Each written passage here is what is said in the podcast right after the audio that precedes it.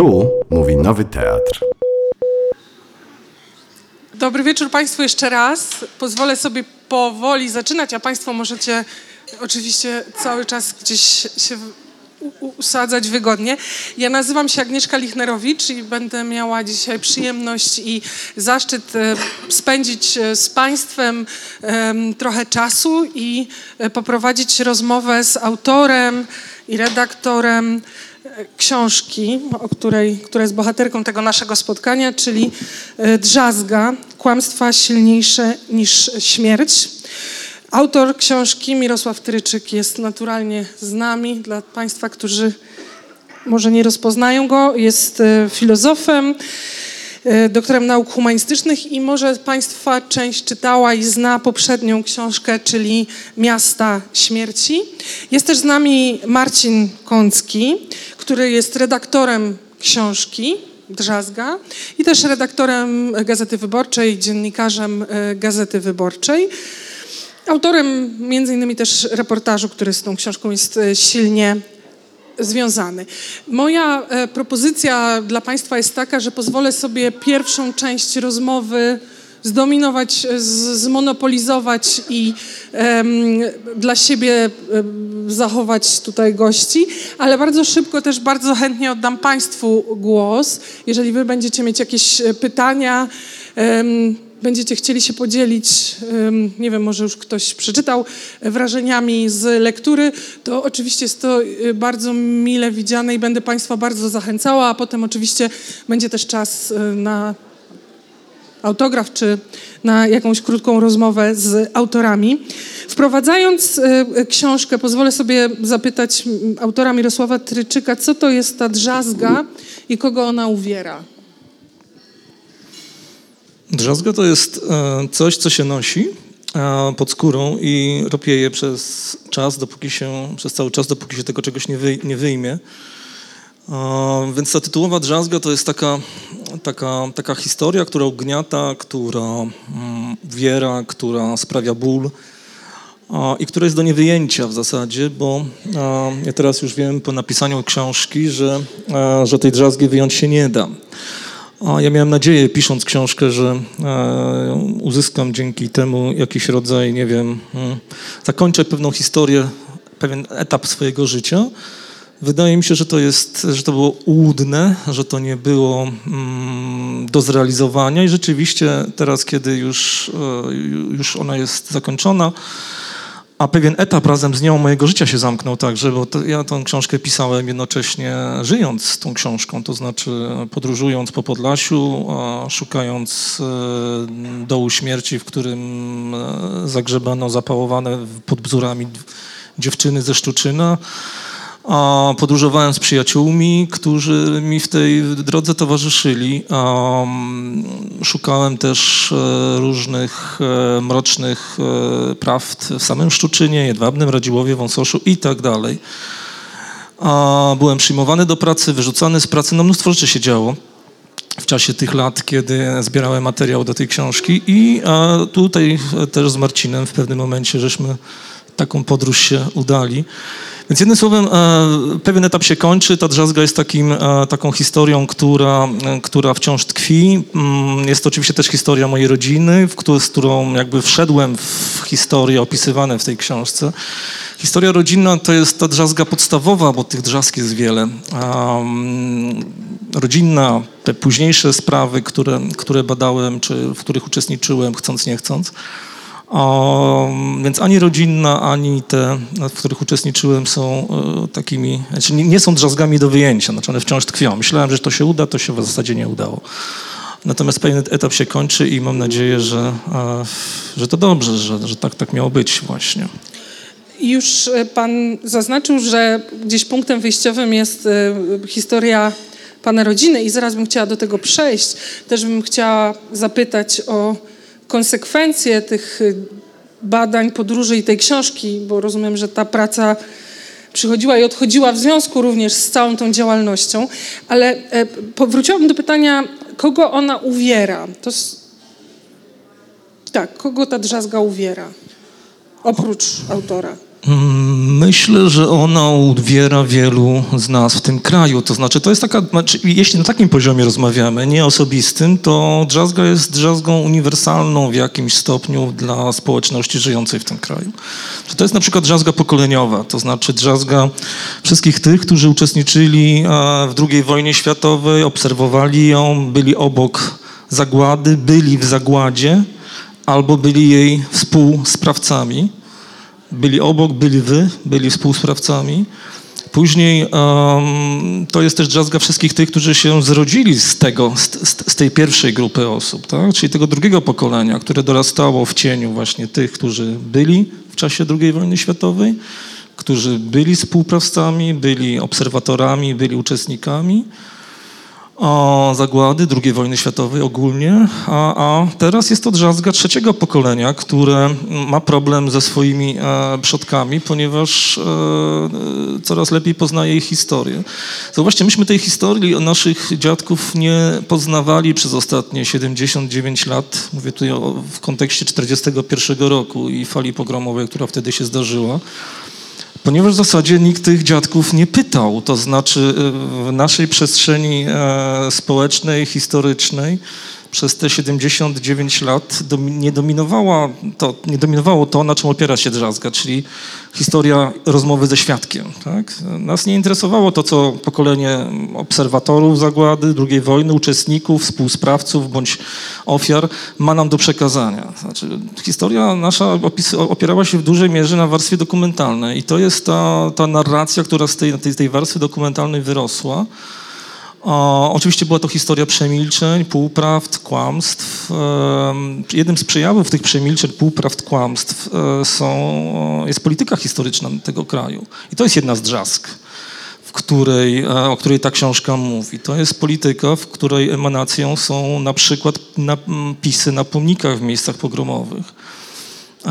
Jak Państwo pojedziecie do takich miejscowości jak Radziłów, Wąsosz, Szczuczyn, a sporo tutaj jest osób, które widzę na sali, jeździ tam dość regularnie, to mogą oni zaobserwować takie pomniczki z lastryka w miejscach, w których dochodziło do zabijania a, sąsiadów żydowskich. I tam na tych pomniczkach z lastryka mniej więcej tej wielkości, zwykle, znaczy w każdym z nich znajdują się tablice, w których jest informacja o tym, że e, tych Żydów zamordowali jacyś faszyści na przykład, jacyś Niemcy. No faszyści, tak, no ale tam w Wąsoszu to jest, no dobrze. A, więc, e, więc e, no to jest taki przy, przy, przy, przykład tego, że wie- że, że ta, ta, ta prawda jest, e, której częścią jest e, polityka historyczna tego państwa, jest prawdą zakłamaną, jest prawdą nie, niepełną, nie, nie, nieodpowiadającą rzeczywistości i prawdzie. A więc to jest taki, powiedziałbym, poziom metadrzazgi, tak? To jest to doświadczenie pokoleniowe, którego emanacją jest polityka historyczna. I jej znowu emanacją są pomniki e, w miejscach pogromowych. Natomiast e, jeszcze bym powiedział o drzazdze, która jest drzazgą, która tkwi w ludziach, którzy żyją w miastach pogromowych i z którymi gdzieś na tej drodze przez ostatnie lata się spotykałem. Mm, Bo to, są, to jest specyficzna sytuacja tych ludzi. Oni um, znajdują się, są, są trzecim pokoleniem, żyją w miejscowościach, w których wokół nich um, umiejscowione są doły z pogrzebanymi ludźmi, zwykle ofiarami ich przodków. I oni codziennie idąc do pracy, idąc do fryzjera, idąc do pizzerii, idąc gdziekolwiek indziej, muszą je mijać i odpowiadać sobie na pytanie, jak to jest żyć w miejscu, w którym 79 lat wcześniej a, bardzo często przodkowie, tak, często ich przodkowie spalili, zabili a, swoich, a, swoich sąsiadów. Tak, wyobraźmy sobie, każdy z nas mieszka na jakimś osiedlu, że wyobraźmy, wyobraźmy sobie tę sytuację, w której jedna trzecia, powiedzmy jak w Szczuczynie, a, z tego osiedla zabija dwie trzecie. Ludzi, których znali, z którymi byli w relacji, z którymi chodzili do sklepu, z którymi spotykali się nie, w parku. Oczywiście te relacje, jak to też pokazuje w książce, szczególnie w latach 30. ubiegłego wieku były już bardzo złe. Przemoc narastała w zasadzie w miastach, o których piszę od początku lat 30. w sposób bardzo intensywny. W 1933 roku, tutaj cytujemy relacje prasowe z procesu, który się e, wtedy e, rozegrał, procesu będącego kulminacją pogromu, który miał miejsce w Radziłowie na przykład, a którego e, organizatorami byli ówcześni chłopacy, członkowie ówczesnego obozu Wielkiej Polski. Więc te relacje oczywiście były złe, ale one były, tak. No i teraz musi, dzisiejsi ludzie, którzy żyją w takim Radziłowie, muszą sobie odpowiedzieć na pytanie, jak to jest żyć w miejscu, w którym przodkowie pozbawili życia swoich sąsiadów i odpowiadać sobie też na pytanie, jak to jest budować relacje dzisiaj międzyludzkie, zauważcie, tak? Mając taką świadomość, musimy sobie wracać do pytania, jak możemy dzisiaj zaufać sąsiadom. To znaczy sąsiad jest sąsiadem, tamci sąsiedzi spalili tamtych sąsiadów jak w konsekwencji żyć dzisiaj w takiej miejscowości z taką świadomością. Oczywiście to można rozszerzać na całe doświadczenie i e, to pytanie można rozszerzać na doświadczenie całego dzisiejszego pokolenia młodych Polaków i tych Polaków, którzy wkraczają, czy którzy już wkroczyli e, w dojrzałość. Więc jednym słowem tych poziomów drzazg jest bardzo wiele. Natomiast e, mnie najbardziej w tej książce interesowało jednak, jednak to, co jest w podtytule, to znaczy drzazgi, ale jednocześnie to, jak sobie radzimy z tymi drzazgami, czyli kłamstwa. Kłamstwa silniejsze niż śmierć. To jest podtytuł książki. I to kłamstwo jest takim tematem, który pojawia się w e, książce właściwie permanentnie. Kłamstwo jako metoda na poradzenie sobie z cierpieniem, ze zbrodnią, ze świadomością tej zbrodni, z, z no, także z tą świadomością właśnie skutków owych zbrodni, czyli na przykład tych ciał pogrzebanych wokół miejsc, w którym się żyje obecnie. I, I to jest jakby taki nerw, który spaja książkę. To jest też jakby odniesienie się w konsekwencji do sytuacji w mojej rodzinie i tego, jak, jak kłamstwa i drzazgi funkcjonują także w rodzinach, w których, dochodzi, w których przodkowie byli zaangażowani w popełnianie e, zbrodni na swoich żydowskich sąsiadach. No bo właśnie drzazga i metoda na nią kłamstwo, tak? wypieranie, zakłamywanie, a, fałszowanie, chociażby poprzez te napisy na pomnikach, ale oczywiście poprzez też historie, które się opowiada w miejscowościach, do których zbrodni, a, w których do zbrodni dochodziło. Po, pozwolę sobie powiedzieć, że w porównaniu do poprzedniej książki, do Miast Śmierci, to jest opowieść o dziś przede wszystkim. Naturalnie ta historia jest też tu, ona jest potrzebna, żeby opisać dziś, no ale właśnie to jest opowieść o tym, jak e, pamięć, jak historia funkcjonują, tak jak Pan opowiada. I druga różnica, do której też pewnie nawiążemy, to jest, wydaje mi się, że to jest reportaż, to znaczy czysto gatunkowy reportaż, bo jest o dziś. I pytam, kogo ta drzazga uwiera, bo z jednej strony też na okładce możecie Państwo przeczytać, że to jest opowieść o ludziach, którzy nie chcą milczeć, mają odwagę pamiętać, e, nie są gotowi wypierać. Pan jest w tym sensie jako autor też jednym z bohaterów, ich jest więcej. No i są też ci, którzy robią wszystko, żeby nie pamiętać, żeby tę prawdę gdzieś głęboko zakopać. I czy ta i czy w pewnym sensie, czy ta drzazga uwiera i tych, i tych? Czy tylko Pana i tych, którzy chcą odkryć prawdę? No nie. Um, przede wszystkim uwiera tych, którzy um, z tą drzazgą um, są świadomością zbrodni, bo tak należy mówić. Nazywajmy rzeczy po imieniu, ja jestem już e, jakby... Znaczy, wszyscy mają świadomość. Tak, metaforyka jest... Okej, okay, dobrze, drzazgi. Um, drzazgi zbrodni. Uwiera przede wszystkim tych, którzy kłamią, że skala kłamstw, które są budowane wokół zbrodni, e, po, pokazuje, że, że przede wszystkim e, ta skala jakby świadczy o, o, o znaczeniu, o cierpieniu, o wstydzie i uwieraniu właśnie poprzez drzazgi, których, o, o, których tu mówimy. No na przykład a takim jednym z elementów tej drzazgi e, kłamstwa, która się wokół e, drzazg zbrodni e, buduje, to jest mitologizacja samych ofiar. To znaczy, żeby poradzić sobie z drzazgą poczucia winy w miejscowościach pogromowych, ale też na przestrzeni społecznej, publicznej, tak, e, historycznej też tego kraju, buduje się, no w internecie mamy mnóstwo takich, takich historii, takich narracji właśnie. Mówi się, buduje się taką, taki właśnie schemat narracyjny, który przerzuca poczucie winy i poczucie odpowiedzialności za dokonaną zbrodnię na ofiary. Prawda? Tutaj jedna z bohaterek w książce opowiada, że żeby móc funkcjonować w mieście, w którym są masowe groby z ofiarami e, zbrodni popełnionych przez dziadków, no to musimy w konsekwencji doprowadzić do tego, żeby powiedzieć sobie, że to nie dziadek, tylko sąsiad, a nie sąsiad w konsekwencji, tylko jeszcze dalszy sąsiad. Na końcu jest Niemiec, tak? ale ostatecznie jako sprawca, ale ostatecznie winny jest sam Żyd, który swoim komunizowaniem, swoją zdradą, swoim czymkolwiek innym doprowadził do tego, że słusznym było zabicie go. Więc te schematy e, zakłamywania drzazg związanych z, z, z cierpieniem wynikającym z świadomości zbrodni, ich intensywność, ich wielorakość, też przemoc, która się z nimi wiąże. Ona oczywiście funkcjonuje nie tylko w przestrzeni społecznej, miejscowości, o której rozmawiamy, czy w przestrzeni naszego kraju. To nie jest nie tylko przemoc w charakterze fizycznym. Oczywiście zdarzały się też pobicia, na przykład osób, które rozmawiały z dziennikarzami w Radziłowie. Ale to jest przede wszystkim przemoc werbalna, przemoc psychiczna, ale też taka przemoc wynikająca z e, odrzucenia wszystkich tych, którzy się z tego zbiorowego kłamania wyłamują, prawda? No, ktoś, kto się ma odwagę, nie wiem, czy ja mam odwagę, wielu ludzi ma odwagę, mówić o tym, wyłamywać się z tego schematu zakłamywania historii, natychmiast ten ktoś taki zostaje nazwany odszczepieńcem, tym, który kala swoje gniazdo, zastosowana, zastosowana wobec niego zostaje cała taka, taki schemat przemocy, który ma doprowadzić do tego, że wspólnie mamy uznać kogoś takiego za e, kogoś, kto nie jest członkiem naszej wspólnoty. Zostaje ten ktoś taki wykluczony i z przestrzeni rodzinnej. Tutaj jedna z bohaterek opowiada o tym, że uwolniła się od Jedwabnego w zasadzie dopiero wtedy, kiedy z tego Jedwabnego wyjechała i to bardzo daleko, do Berlina, a później tam gdzieś do, wróciła do Warszawy. W zasadzie większość tych bohaterów tak, oni, wyjechała albo...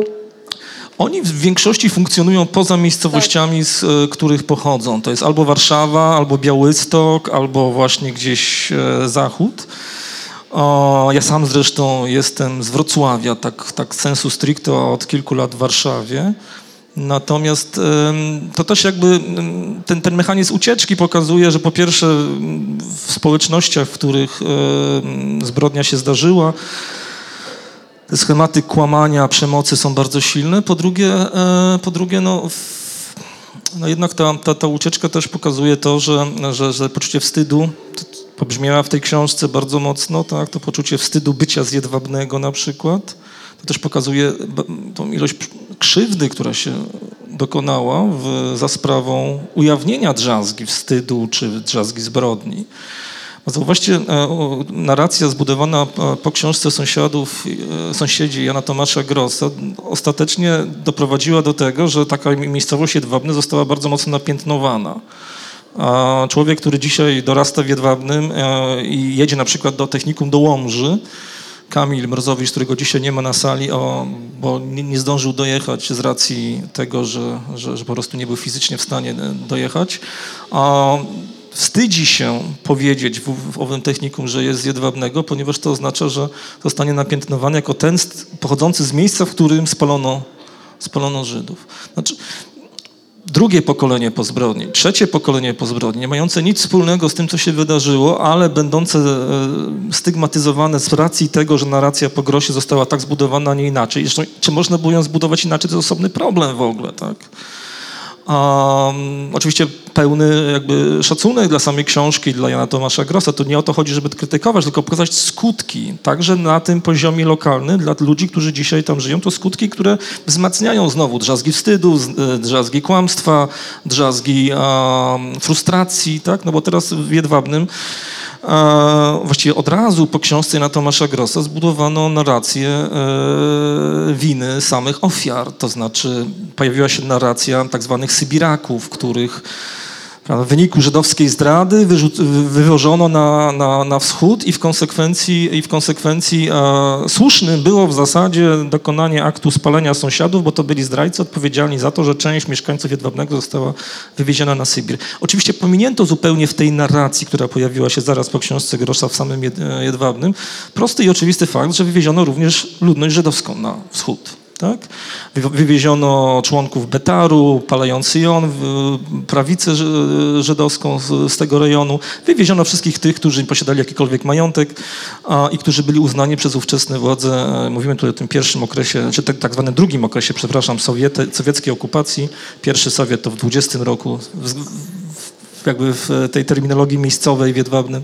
Drugi Sowiet to lata 39-41, e, połowa 41 roku i ten drugi Sowiet właśnie prawda, doprowadził do e, wywiezienia i żydowskich sąsiadów i polskich, ale po Grosie powstała narracja, która mówi, że to tylko polscy byli włożeni, a odpowiedzialni za to byli oczywiście ci, którzy zdradzili, czyli ci straszni Żydzi. Cała ta narracja oczywiście jest kłamstwem, półprawdą w najlepszym tego słowa, na, na najlepszym wypadku, ale ona ma na celu przerzucić winę na ofiary. I mamy w, w praktyce skutek w samym Jedwabnym taki, że e, kiedy przyjeżdża e, 10 lipca delegacja z Warszawy, na, żeby złożyć e, kwiaty pod pomnikiem, e, nie przychodzi żaden mieszkaniec, a w centrum Jedwabnego, w rynku, w którym e, wy- wypędzono ludność żydowską w dniu pogromu, każąc im e, pielić go e, łyżkami, zbudowano pomnik ku czci Sybiraka, na którym, co prawda nie wprost, ale wyraża się to przekonanie, że te ofiary były sobie winne, same winne tego, że, że, że je e, zabito i słusznym był ten czyn. No i ta sytuacja utrzymuje się do dnia dzisiejszego. Tak? Ten napis na pomniku e, po stodole nie został zmieniony. E, Ten, który jest, nie mówi o sprawcach, mówi tylko o spalonych sąsiadach. W pozostałych miejscowościach polityka historyczna państwa polskiego, zauważcie, nie jest to polityka uprawiana przez obecną władzę, e, która jest przecież taka bardzo, by można powiedzieć, narodowa, nacjonalistyczna, ale przez poprzednią władzę, która taką się zdawała nie być. Ona też nie zmienia tych pomników, na- napisów na pomnikach. Tam dalej są przez cały okres od 2001 do dnia dzisiejszego funkcjonują faszyści. A kiedy my próbujemy tutaj z Michałem Panderą, Michał, pokaż się, musisz się pokazać. A z Michałem Panderą w 2017 roku, kiedy znajdujemy tutaj między innymi z, z Marcinem Kąckim, ale też z innymi osobami e, miejsce pogrzebania, dół śmierci e, 20 dziewczyn żydowskich ze Szczuczyna, zabitych w lesie Dybełka, nieopodal wsi Bzury, kiedy odsłaniamy tablicę, którą Michał funduje ze swoich własnych pieniędzy. E, wydaje na to, nie wiem, 2000 złotych, czy ileś tam wydaje. Drugi nasz e, kolega, Pi- Piotrek Grzegorek, artysta plastyk, zupełnie e, pro publico bono, ją wykonuje. No to my też nie możemy na tej tablicy napisać, kto, kto zabił. A no bo z różnych powodów jest to, jest to nie do przyjęcia. Piszemy, tu spoczywają błogosławionej pamięci Żydówki ze Szczuczyna, zamordowane jesienią 41 roku. Niech ich dusze mają, będą miały udział w życiu wiecznym. No bo kto taki napis zatwierdzi? Wojewoda? To jest 2017 rok. No przecież nie zatwierdzi. Tak? A polityka historyczna jest bezwzględna.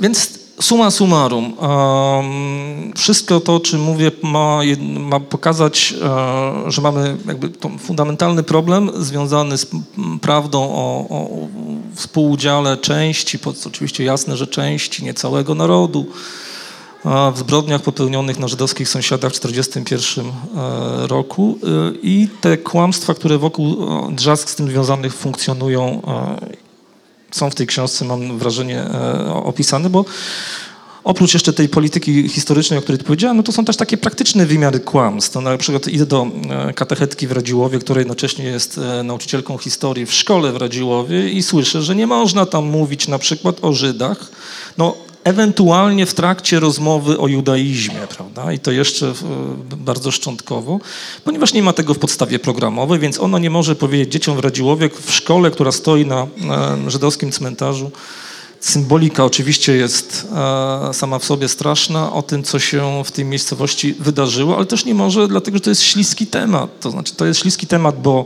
jesteśmy w Radziłowie i w miejscowości, w której dwa pokolenia wcześniej dokonano zbrodni na sąsiadach, ale też dlatego, że żyjemy w takim kraju i w takiej rzeczywistości, w której nie ma tego w podstawie programowej. Oczywiście podstawy programowe znowu nie powstały ani wczoraj, ani dzisiaj, ani przedwczoraj, powstawały przez ostatnie naście lat i w każdej z nich brakowało takich treści. Tutaj bardzo wiele jest płaszczyzn e, kłamstw silniejszych niż śmierć. Ja bym chciała wrócić do tej kwestii winy czy odpowiedzialności, bo ona wydaje mi się takim centralnym. Znaczy to jest takie pytanie, które w każdym razie e, e, mi bardzo chodziło po głowie, ale e, bardzo już, już porusz, poruszył Pan tę kwestię, więc chciałabym na chwilę się na niej zatrzymać. Akurat ta książka wychodzi 20 lat po, po fundamentalnej pracy Grossa. Mija 20 lat w tym roku. No i, i od razu chciałabym Marcina Kąckiego też włączyć w, w tę rozmowę. To jest pytanie na godziny debaty, ale gdybyście mogli zas, zasygnalizować, jak o tym myślicie. No bo wy, wydaje się, że ta sytuacja jest dużo trudniejsza i dużo bardziej zaplątana w emocje, kłamstwa, interesy, politykę, żal, strach, wstyd, niż była 20 lat temu. Czy, czy, czy tak nie jest? To znaczy, czy, czy macie poczucie, że te 20 lat jakiejś pracy, dyskusji, sporów, no to wszystko, co się działo, to gdzie, gdzie nas posunęło? Marcin Kącki. No, nigdzie nas nie posunęło. To znaczy, mm, 20 lat temu Jan Tomasz Gross moim zdaniem napisał, ja ostatnio miałem takie spotkanie z Michałem Nogasiem, z Ziemkiem Szczerkiem publiczne i zadałem im pytanie, najważniejsza książka waszym zdaniem po 89 roku i chyba się zgodziliśmy, że to jest najważniejsza książka, to znaczy Sąsiedzi Jana Tomasza Grossa, dlatego że wywołała największy rezon związany z resentymentami, z taką naturą polską, z kultem, o czym pisze Andrzej Leder w Prześnej rewolucji, amoralnego familizmu, czyli kult tego, żebyśmy byli dobrze postrzegani poprzez tylko i wyłącznie wizerunkowość, czyli tą fasadę, scenografię. I ta książka to pokazała. Pokazała wiele różnych rzeczy, ale y, dzisiaj w zasadzie nie ma nigdy dobrego momentu, żeby takie książki pisać, jak Mirek napisał, bo mm, zawsze się znajdzie, zawsze się znajdzie ta część społeczna, która uważa, że ważniejszy jest wizerunek, czyli te najbardziej zabawne dla mnie oskarżenia, czyli szkalowanie wizerunku Polski. Tak strasznie szkodliwe to jest w ogóle. Zawsze się znajdzie ktoś, kto wyjdzie jak minister Zalewska, minister edukacji i powie Monice Olejnik przed całym narodem, że ona nie wie, kto mordował w Jedwabnem. E, mm, ale ja pamiętam, ja pamiętam, że Mirek mnie zapytał przed wydaniem tej książki, czy nie powinniśmy się bać tego, że ta książka zostanie odebrana z kolei jako argument per Putin, że ona jest na rzecz e, tej całej narracji, którą uruchomiło Ministerstwo Spraw Zagranicznych Rosji, czyli że Polska kłamie, Polska zataja prawdę, prawda jest tylko po stronie Rosji. Zawsze się znajduje jakiś trend polityczny, trend społeczny, który, gdzie człowiek zadaje sobie pytanie, czy to jest ten moment właściwy. Nie ma dobrego momentu. Takie książki się pisze nie dlatego, że jest dobry moment, tylko dlatego, że coś uwiera autora. Yy, I to jest dla mnie ważniejsza motywacja. Ja sobie nie wyobrażam, że ja piszę książkę dlatego, że jest zapotrzebowanie społeczno-polityczno-ekonomiczne. Yy, Natomiast rzeczywiście stanęliśmy dzisiaj tak naprawdę, te niektóre rozdziały z książki Mirka, na przykład ruchy, jakie wykonuje Kościół katolicki oraz endecja z lat 30., to jest jakby lustro rzeczywistości, lustro wehikułu czasu, prawda? Przecież arcybiskup Jędraszewski i inni hierarchowie Kościoła, już nie mówiąc o tym e, kompletnym dnie intelektualnym, e, czyli tych ni- niższych hierarchów, którzy mówią tak straszne rzeczy zambony, że w zasadzie pozostaje wtedy zapytać siebie, na jakim poziomie jest kształcenie w seminariach. Ale to jest tak, jakby czytać. Ja, ja pamiętam, że jak redagowałem te fragmenty historyczne, które Mirek wrzucał w książce, to to jest. To nic się nie zmieniło. To znaczy, ksiądz krzyczący zambony, że Żydzi są winni i teraz bierzemy strzelby i będziemy na nich polować. Przecież niczym się nie różni od tego, gdy e, hierarcha i arcybiskup mówi, że grozi nam czerwona zaraza i powinniśmy stanąć murem, bo to jest ten sam podział społeczny, to samo wykluczenie i ten sam, ta sama skala faszyzmu. E, No i oczywiście do tego podłączeni politycy pod ten kościół katolicki, podłączeni, czyli w tej narracji wtedy w latach 30., e, że my Polacy kontra cały świat, dzisiaj Kaczyński, my Polacy kontra cały świat, czyli antagonizowanie e, poprzez zbudowanie tego elektoratu tożsamościowego, który nic innego być może nie ma zdaniem Kaczyńskiego. E, tak, to jest, to, to jest niezwykłe w tym wszystkim, że o ile Jan Tomasz Gross pisał w warunkach kroczącego kapitalizmu, gdzie ludzie dopiero co porzucili te wszystkie stragany, szczęki i tak dalej i, zaczęli wyjeżdżać na zachód pomału, mimo że jeszcze nie byliśmy w Unii Europejskiej, to Mirek, y, czy my piszący wszyscy dzisiaj o tym, trafiamy w zasadzie w moment, w którym ja, na, jak na spotkaniach autorskich pięć lat temu mnie pytano, co jest sposobem, to mówiłem edukacja. Edukacja jest sposobem na to, żeby zabić te demony, potwory, żeby u podstaw. Ale ja dzisiaj mam wątpliwości, czy, te, czy edukacja wystarczy, bo przecież Niemcy mieli najlepszy program nauki o Holokauście, zwłaszcza Instytut Wanze, który nauczał nauczycieli z całej Europy. A dzisiaj y, AfD ma 17-18% poparcia. E, więc dzisiaj tak naprawdę to jest bardzo trudne pytanie. Co z tym zrobić, jak się wpasować, jak pisać o tym e, i jaki jest na to sposób. Ja dzisiaj nie mam żadnych złudzeń. Gdyby ktoś mnie zapytał, czy nasze książki coś zmienią, powiem nie, nic nie zmienią. Jest jakiś determinant dziejowy, który powoduje, że ludzie się chcą raz na jakiś czas wyrżnąć. E, I to jest być może pytanie do filozofów i antropologów, dlaczego tak jest, ale chyba odbiłem od twojego pytania. Ja, ja bym jeszcze dopytała, czy, czy Mirosława, czy, y, czy, czy ciebie, ale nawet mam wrażenie, pytam was jako reporterów w tym sensie, ludzi, którzy tam jeżdżą, że jest o tyle trudniej, że jest dużo więcej uprzedzeń. E, To, to co opisuje e, Mirosław Tryczyk i o czym teraz wspomniał, że w pewnym sensie em, no, ci ludzie z założenia, wielu z nich czuje się atakowanych z samymi pytaniami, oczekuje tego, jest uprzedzonych do kogoś, kto przyjeżdża z zewnątrz, tak to czytuje, tak? Też dokucza, e, osądza, a co więcej, jeszcze można porozmawiać, czy czasem nie jest mu wygodnie właśnie w tym człowieku z mniejszej miejscowości, może klasowo jeszcze słabszym, em, no, odnaleźć tego, tego złego i, i tam skupić tą uwagę. Znaczy mam wrażenie, że ta rozmowa jest dziś dużo trudniejsza chyba niż była 20 lat temu, ale pytam też w oparciu o wasze doświadczenia rozmów tam po prostu. Mhm. Ja powiem tak, wciąż pokładam nadzieję w edukację, dlatego, że tej edukacji nie było. Znaczy, o ile w Niemczech rzeczywiście te programy e, funkcjonowały i poniosły taką czy inną porażkę, rzeczywiście AfD jest. Natomiast w Polsce brak. Znaczy, ta dyskusja, e, która się toczyła po Grosie, ona oczywiście przetoczyła się wśród elity intelektualnej, ale w takim Radziłowie czy Jedwabnej to nie jest klasizm żaden to we Wrocławiu nikt też nie słyszał specjalnie. Tak? A przypuszczam, że w Poznaniu, gdyby zapytać, nie wiem, średnio czy dobrze nawet wykształconego człowieka, jak- jakie kto miał stanowiska w dyskusji o sąsiadach, to, czy po sąsiadach, to by no, świadomość tego, że sąsiedzi byli, że jedwabny jest jakimś. Tak. Ale wsz- wszystkie inne głosy a, w- nie sądzę. Znaczy, chodzi mi o upowszechnienie tej, tej, tej, tej, wiedzy.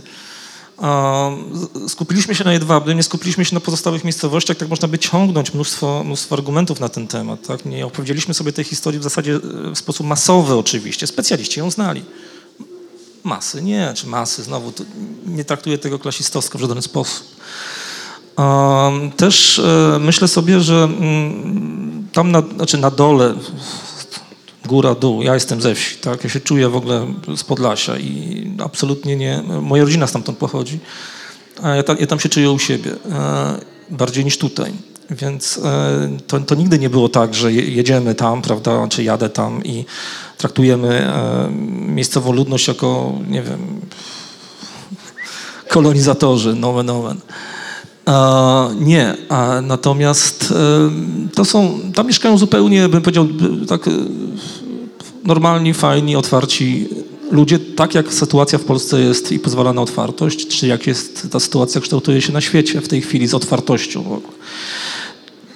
Zarówno tam, jak i tutaj między nami, bo są, jesteśmy podzieleni pewnie co do tej książki, co do wniosków z niej płynących e, po połowie, jak w ogóle w każdej możliwej kwestii w tym kraju. Nie tylko w tym kraju, generalnie lud- ludzie są tak podzieleni, tak? E, zwłaszcza przy okazji jakichś ostrych sporów dotyczących jaskrawych tematów. Em, Więc trwa tam, podobnie jak między nami, polsko-polska wojna o pamięć na przykład, tak? Czy ludzko-ludzka wojna o pamięć. W tym wypadku pamięć o Żydów, e, o, o pogromach żydowskich. Tak samo jak trwała w 1941 roku taka wojna polsko-polska o Żydów. A, tylko, że strony tej wojny były niesymetryczne, bo mieliśmy e, znamienitą większość, która w tych miejscowościach brała udział w zbrodni. Tutaj już kiedyś o tym mówiłem, może warto powtórzyć, tak, w perspektywie czterech kręgów zbrodni.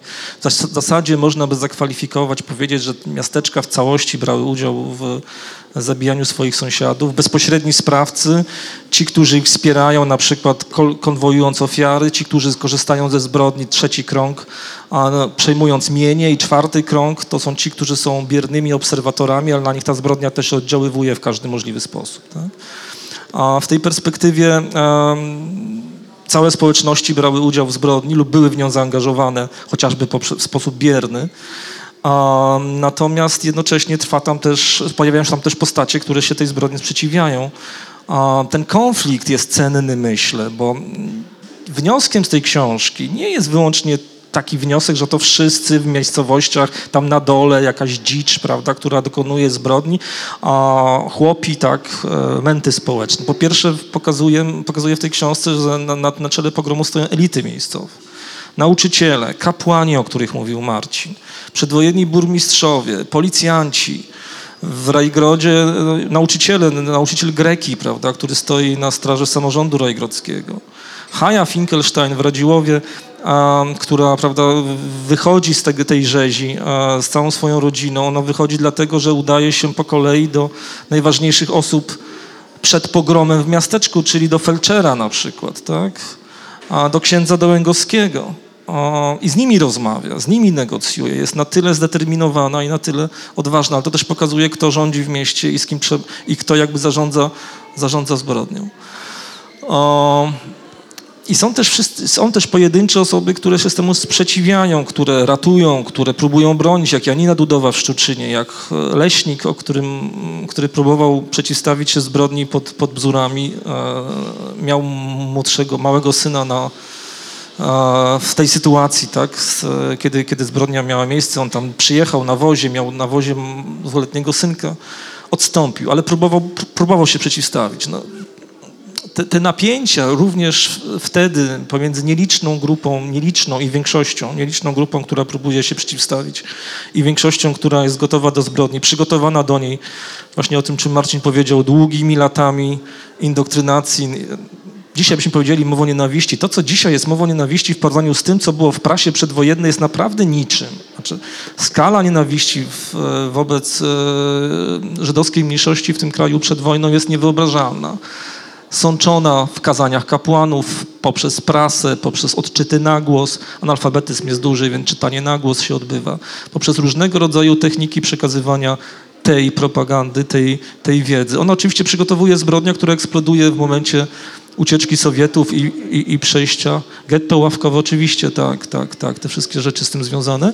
A a potem mamy ten okres, y, w, w, którym sama zbrodnia przebiega, no ale mimo wszystko ktoś się temu przeciwstawia, ta, ta mniejszość. I ta mniejszość również dzisiaj jest w tych miejscowościach, to znaczy trwa spór, jakiś rodzaj um, konfliktu między tymi, którzy są, nie chcę użyć słowa takiego o moralnym wydźwięku, ale są, są przyzwoici, tak? A wszyscy pozostali też są przyzwoici, tylko że się boją, tylko na przykład tego się boją, że, że, że okaże się, że, że, że ich dom stoi na masowej mogile, albo że a, ich dom jest pożydowski, w związku z tym boją się utraty mienia. Jeszcze o, o tym mieniu nie powiedzieliśmy jako takim jednym z mm, alibi, argumentów do tego, żeby kłamać, żeby fałszować żeby, żeby opowiadać kłamstwa silniejsze niż śmierć. I tak...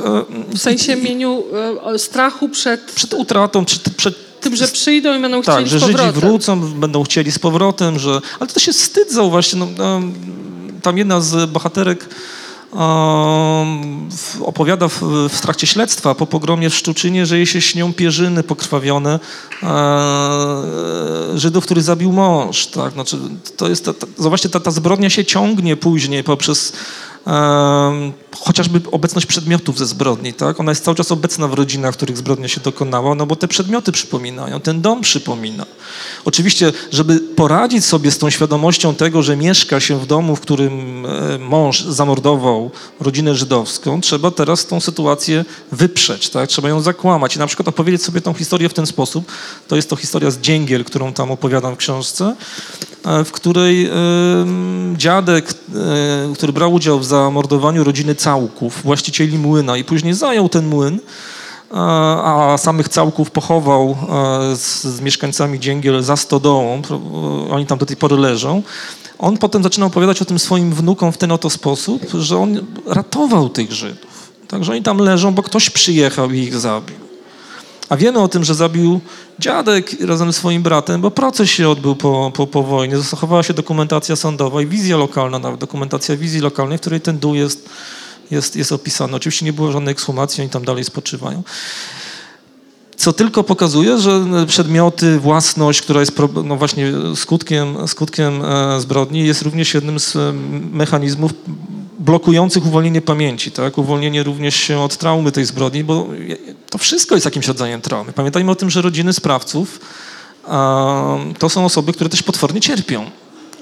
To nie jest tak, że dzieci są dumne z tego, co się stało że dzieci są bez sumienia, tak? że żyją w Jedwabnym, Rodziłowie, Szczuczynie i Wąsoszu ludzie bez sumienia, którzy nie rozumieją tego, co się zdarzyło. Że świetnie rozumieją.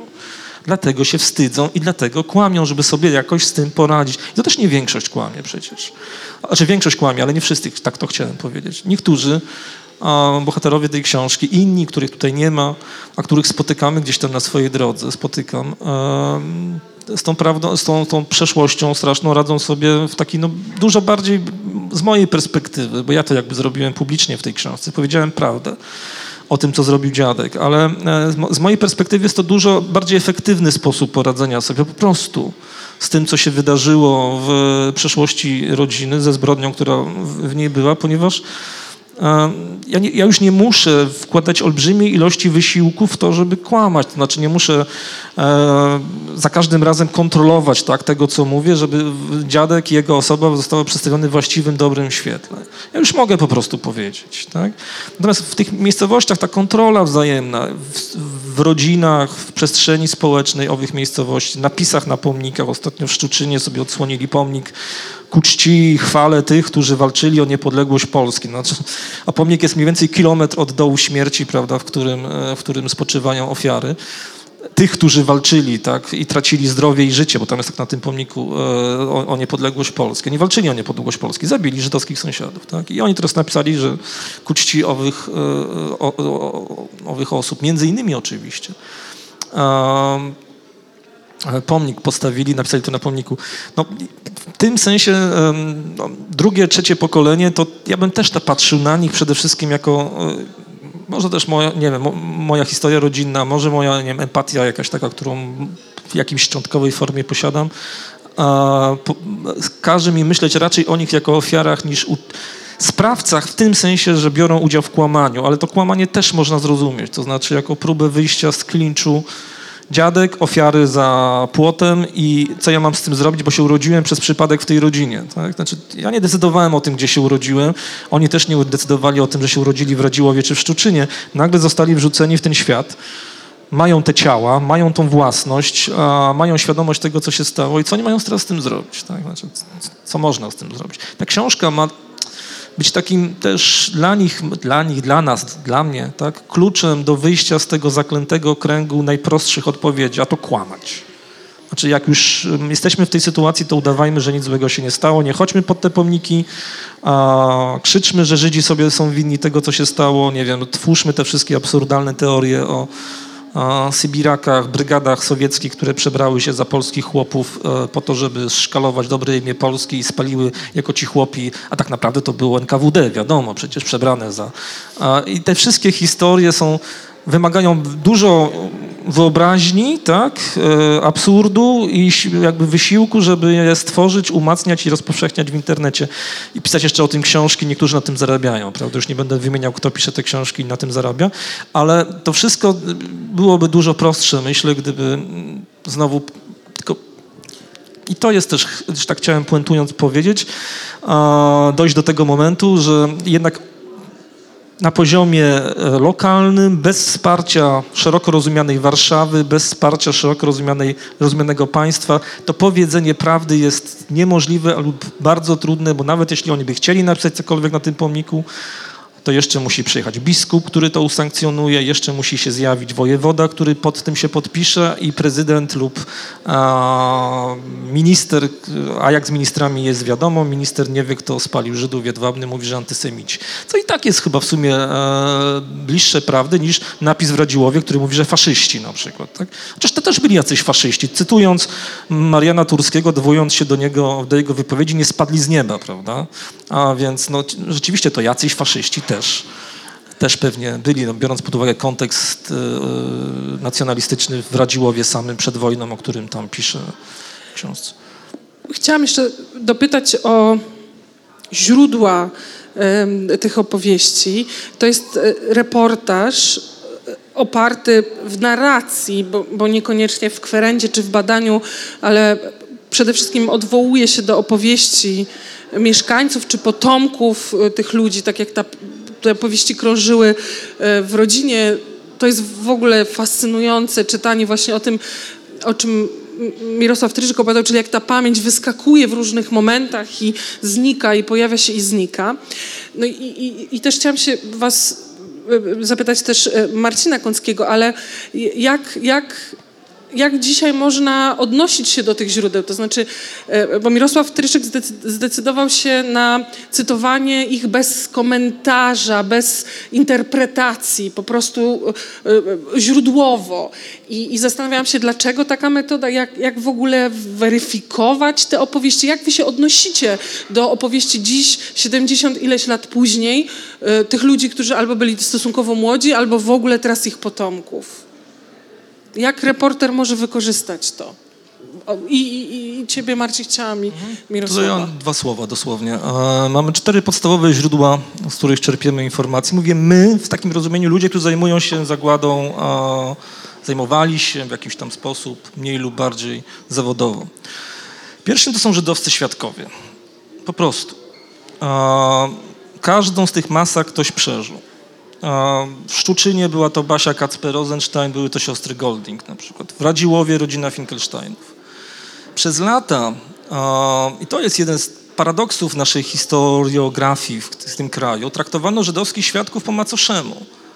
Albo oni byli w szoku na przykład, tak? Albo oni, nie wiem, powiększali ilość ofiar, e, albo, nie wiem, e, byli w takich emocjach, że ich, ich, e, świadectwa są niewiarygodne. Wbrew temu, co na przykład się, dokonywało się przez dziesiątki lat na Zachodzie, gdzie ta historia mówiona jest fundamentem nasz, opowieści na Zachodzie o II wojnie światowej. Z jakichś powodów, i to jest pytanie, dlaczego tak się stało, w tym kraju nie pytano świadków II wojny światowej czy uczestników II wojny światowej przez lata, kiedy oni żyli, nie zbierano tych informacji. No oczywiście był PRL, e, polityka PRL, historyczna PRL-u była no, zbliżona do obecnej, można powiedzieć, w takim obszarze mówienia prawdy o współudziale e, miejscowej ludności czy, czy, czy, czy, czy tej ludności Podlasia w, w zab- zabijaniu Żydów. Ale to nie zmienia faktu, że mamy świadków żydowskich, że oni spisywali swoje relacje na przykład przed Żydowską Komisją Historyczną, jak Basia Kacper-Rosenstein e, w 1946 roku. Pisali e, o, o tych swoich wspomnieniach dotyczących przebiegu rzezi, w których, e, których byli ofiarami w księgach pamięci. To jest ta dokumentacja, powiedziałbym, żydowska, tak? ofiar żydowskich. Mamy też drugą ca, ca, całą gamę dokumentacji związanej z relacjami sprawców relacji sprawców jest bez liku w formie dokumentów zbieranych w procesach prowadzonych po II wojnie światowej, mających rozliczyć te zbrodnie. I to nie są wyłącznie relacje e, e, samych sprawców składanych, e, składane w różnego rodzaju jednostkach śledczych, ale to są też relacje świadków, których oni tych zbrodni, które, które sprawcy popełniali. To są też relacje znaczy, mówiące o napięciach panujących między świadkami i między sprawcami, o zastraszaniu, o wymuszaniu, o przekupstwie. Tak? Bo procesy, które się toczyły, na ogół nie kończyły się tak, jakbyśmy tego oczekiwali z perspektywy dzisiejszej, e, dziś, dziś, dzisiejszych norm sprawiedliwości. Znaczy, sprawcy nie ponosili kar ciężkich. To były wyroki do 15 lat pozbawienia wolności. To też zresztą wiązało się z pytaniem, jak ukarać całe miasteczko na przykład. Tak, to, to jest to, ten problem, przed jakim stanęły Niemcy w czasie tak zwanej denazyfikacji. Znaczy, jak ukarać cały naród, a w tym wypadku takiego Radziłowa czy Szczuczyna, jak całe miasteczko. Te cztery kręgi zbrodni sobie tutaj przy, przy, przywołajmy. Karano więc poszczególne jednostki, te, które e, były na to na tyle e, nierozsądne, jak na przykład e, e, jeden ze sprawców zbrodni pod Bzurami, który się po prostu przyznał do tego, co zrobił. Dostał karę śmierci, potem Bierut mu ją zamienił na 15 lat pozbawienia wolności. Jeśli się nie przyznałeś, jeśli miałeś kolegów, którzy na przykład byli w stanie pójść i pobić świadka, a, który składał zeznanie przeciwko tobie, no to wychodziłeś obronną ręką. Tak się stało z pozostałymi sprawcami zbrodni w Bzurach. Przyszli do leśnika, o którym Państwu wspomniałem, o którym piszę w książce, położyli go na ławie i tłukli stołeczkami, tak że był całkiem czarny. I zmarł zresztą e, po niejakimś tam czasie z tego powodu, natomiast, e, natomiast na procesie nie zeznawał. Tak, no i w związku z tym sprawcy uniknęli sprawiedliwości, rozproszyli się. Więc mamy świadectwa polskie, ale mamy też to, co sprawców polskich. Natomiast mamy też tak zwane świadectwa materialne, czyli chociażby zdjęcia lotnicze, które Niemcy lub Sowieci wykonywali, e, zwłaszcza w 1944 roku. Ostatnio się udało mi odnaleźć takie zdjęcia e, za pośrednictwem zresztą Komisji Rabinicznej, czy we współpracy z nią. I te zdjęcia lotnicze, na przykład analiza tych zdjęć pokazuje, w których miejscach mogą znajdować się e, groby ofiar. Tak, przy odpowiedniej obróbce specjaliści z AGH wykonują takie ekspertyzy i na przykład porównując te, te zdjęcia z mapami umocnień sowieckich, ponieważ sprawcy wykorzystywali okopy sowieckie do tego, żeby ukrywać ciała. Możemy na przykład zlokalizować dzisiaj wokół Szczuczyna potencjalne miejsce ukrycia ciał, kolejne. Tak? Więc mamy takie świ- świadectwo materialne, mamy też, możemy na, przykład wykonać badania georadarowe, tego typu rzeczy. Można w każdym razie.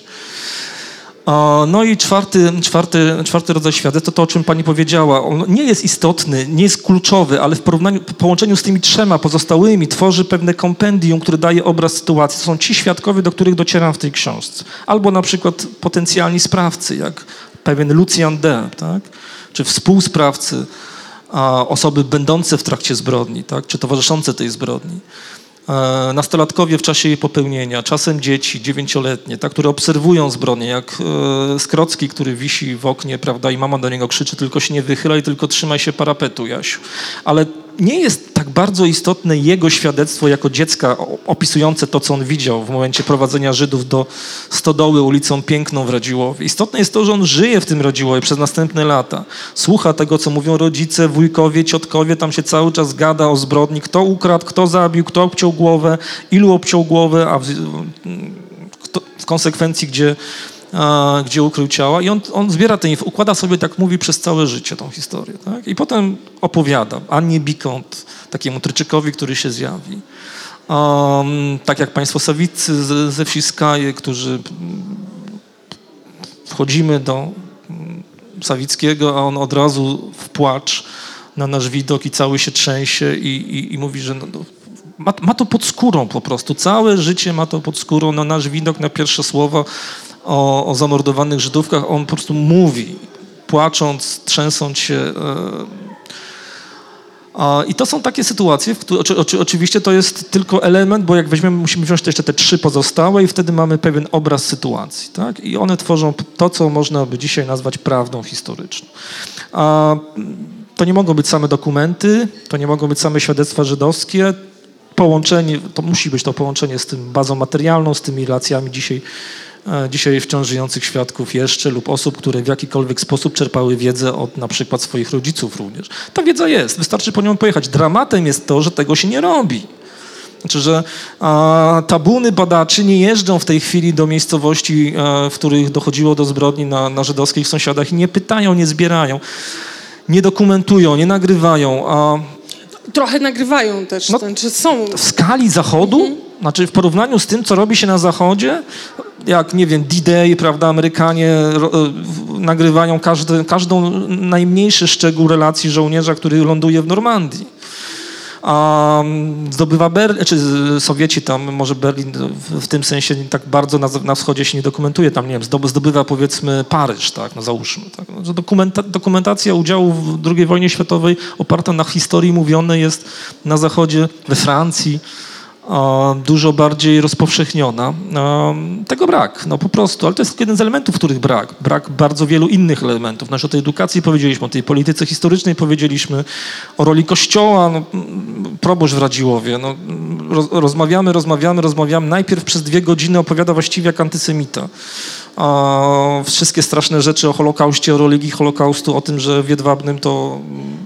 A potem nagle zmienia się i zaczyna mówić zupełnie, można by powiedzieć, językiem człowieka kulturalnego, otwartego i w pełni racjonalnego. A, mówi to, co mówi swoim wiernym na początku, a potem mówi to, co on myśli naprawdę. Tak? To znaczy, nawet y, proboszcz w Radziłowie reiteruje przed swoimi wiernymi i jakby na początku opowiada tą wersję, którą opowiada im. Więc jeśli proboszcz reiteruje, no to w zasa- przed mówieniem prawdy, tak, o, o, o pogromie w Radziłowie, no to w zasadzie A on reiteruje, bo mówi, jak ja mam mówić. Jak... Nie, to ten ksiądz, który mówi, że no, państwo, skoro państwo, państwo z kolei nie wie, reiteruje. Było śledztwo, ale nie ma wyniku, jak w, Ka- z Katyniem, prawda? No, Katy, wiadomo, że była zbrodnia w Katyniu, ale co tam się właściwie stało przez cały okres PRL-u nie było wiadome, co się stało. Znaczy, jedni wiedzieli, ale państwo mówiło co innego. Podobnie jest z Radziłowem. A co się stało ze śledztwem w Radziłowie? Zostało umorzone. A dlaczego zostało umorzone? A bo IPN znalazł bardzo ciekawy wytrych, e, taki, który pozwala umarzać hurtem wszystkie sprawy e, związane z pogromami żydowskimi, umarzać bez rozstrzygnięcia, kto dokonał zbrodni, a kto nie, bo to Żydzi są sobie winni. Czy to jest wina żydowska? Dlaczego? Bo nie pozwalają na ekshumację. Zachodzi istotna przyczyna uniemożliwiająca rozstrzygnięcie sprawstwa w śledztwie. Tak? Nie ma ekshumacji, a kto nie pozwala Żydzi, wina Żydów. Nie ma. I mamy znowu powrót do narracji, że te ofiary same są sobie winne. Tak? Polityka historyczna mm, wykorzystuje tę tą sytuację, y, która w tradycji religijnej żydowskiej y, na, na ekshumację nie zezwala, a po to, żeby oczywiście do prawdy nie dojść, bo o to w tym chodzi, tak? Żeby tej prawdy społeczeństwu nie przekazać. Społeczeństwo ma się ostatecznie nie dowiedzieć, kto zabił w Radziłowie. I ten proboszcz, nawet w takiej rozmowie ze mną w cztery oczy, no mówi, no panie, no... Ja, ja, ja wiem, co tu się stało, tak? ale jak ja mam to powiedzieć? Ja na ombonę nie mogę wyjść i powiedzieć czegoś, co nie jest usankcjonowane autorytetem państwa, prokuratora, czegokolwiek takiego. Trochę Marcin chciałam cię dopytać, bo, bo tak odczytuję e, tę rolę też twoją, takiego wsparcia e, w warsztacie, w, w pisaniu reportaży. No i zakładałam, że właśnie najtrudniejsze jest e,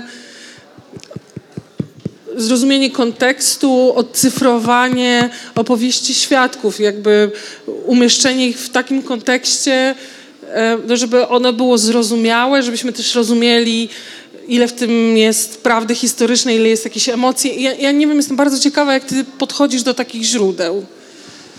Znaczy, w reportażu mamy trzy rodzaje źródeł. No, wykorzystaliśmy je tutaj. To jest y, dokument, świadek i pamięć zbiorowa. I dokument to jest dokument. To może być, nie wiem, z procesu sierpniowego zeznanie, jeżeli jest poparte świadkiem, którego później znajduje Mirek, bo tam jedzie. Do tego dochodzi pamięć zbiorowa, czyli opowieści ludzi, którzy nie byli świadkami, która łączy legendy miasta, plotki, przekazy rodzinne. E, I tak, to te wszystkie źródła się znalazły. W zasadzie tak, no, były dokumenty, była pewna wiedza, były wcześniejsze publikacje.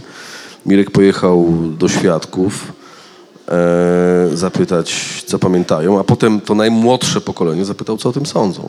I to jest w zasadzie główna idea książki. Czyli zderzyć się z tym, co jest klamrą, czyli historia Mirka i to, co Mirka gryzło. Bo ja pamiętam, że ja byłem, już, ja byłem po Białymstoku, byłem już po różnych reportażach. Yy, można powiedzieć, przeciągnąłem się pod tym kilem historii i byłem trochę tym zmęczony. Mirek wtedy się pojawił z miastami, zrobiliśmy wywiad.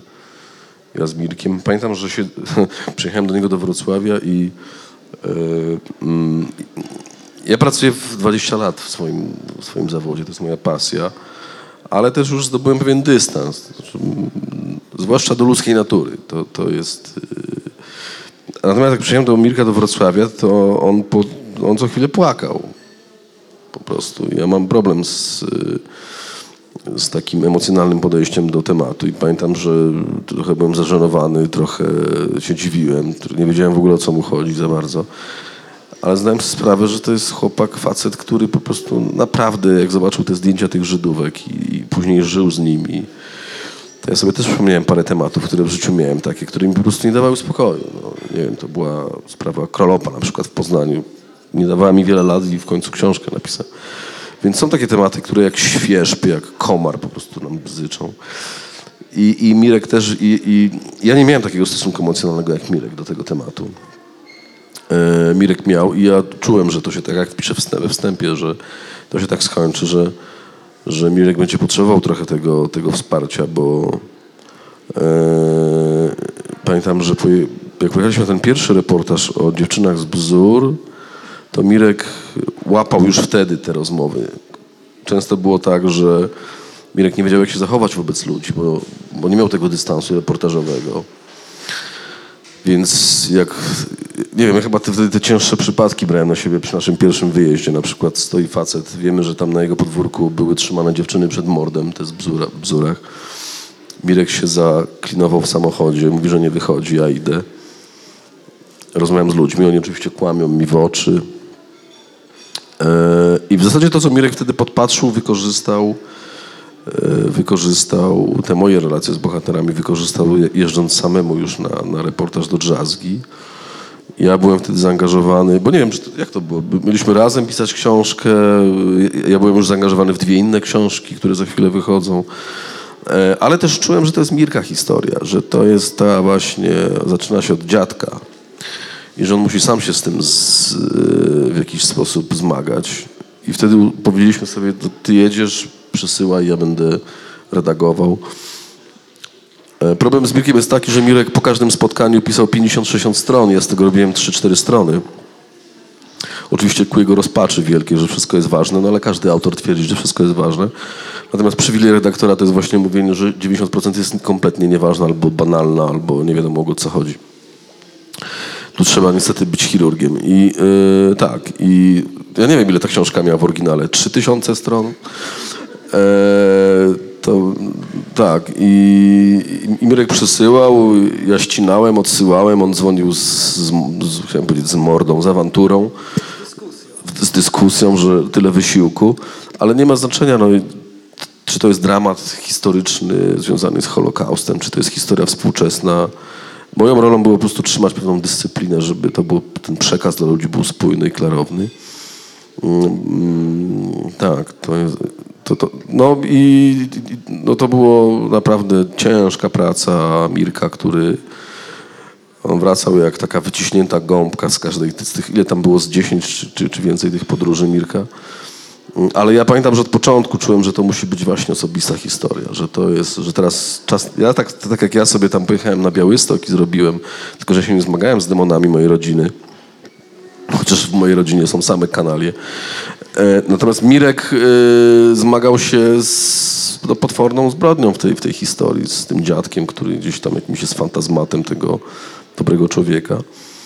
Mm, No tak, tak. A ja po prostu jako miałem tutaj ten komfort redaktora, czyli cięcie za cięciem i skracanie, skracanie, skracanie. Rozmowy długie, pamiętam przez telefon. Mirek dzwonił z terenu czasami. Eee,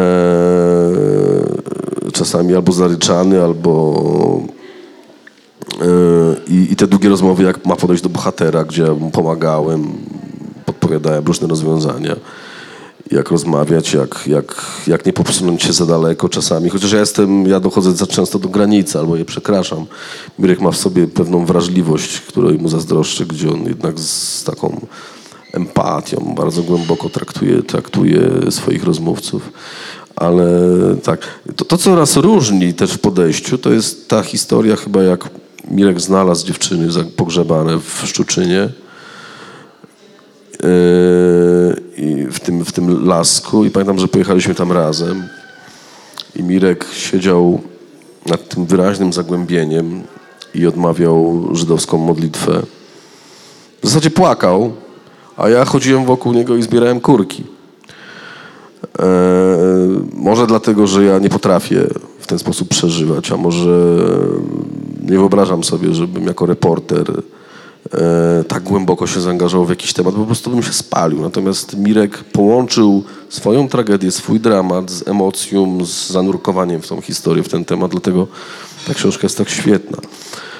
I ja, ja mam sam wątpliwości, czy ja bym się w ogóle podjął książki, pisania książki, która tak głęboko dotyka mnie na poziomie komórkowym. Genetycznie, rodzinnie. E, tu trzeba jednak i pewnej wrażliwości, chociaż teraz się zmagasz z rodziną swoją, przeżywasz swoje horrory. No, a tak, tak. To, to jeszcze w takim razie właśnie o to chciałam zapytać.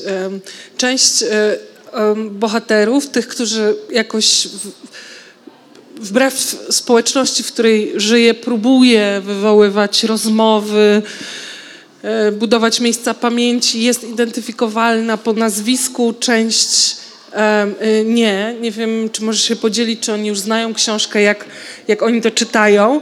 No i na tyle, na ile jesteś w stanie opowiedzieć, jak, to działa właśnie w Twoim najbliższym otoczeniu, no, takie opowiedzenie publiczne tego wszystkiego.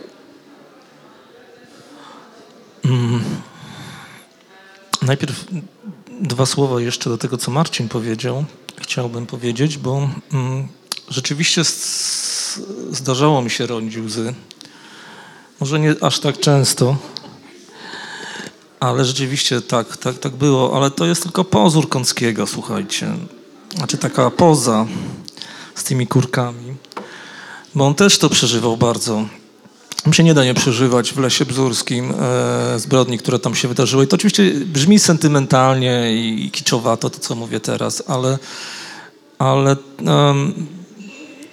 z jednej strony historia, którą cała ta, ta książka tak naprawdę, oczywiście dziadek, tak, rodzina, tak, ale głównym nerwem to były te dziewczyny ze Szczuczyna i znalezienie miejsca, w którym je je do, wrzucono do dołu. Tutaj z Heleną Datner, która też tutaj siedzi, e, kiedyś szliśmy przez tą łąkę pod bzurami i nawet tam, pamiętam, tak mówiłem do niej, e, idziemy troszkę naprawiać świat, tak? Znaczy to, to taka idea, żeby przynajmniej je znaleźć, sprowadzić rabina i żeby odmówił im kadisz nad, e, nad tym dołem śmierci.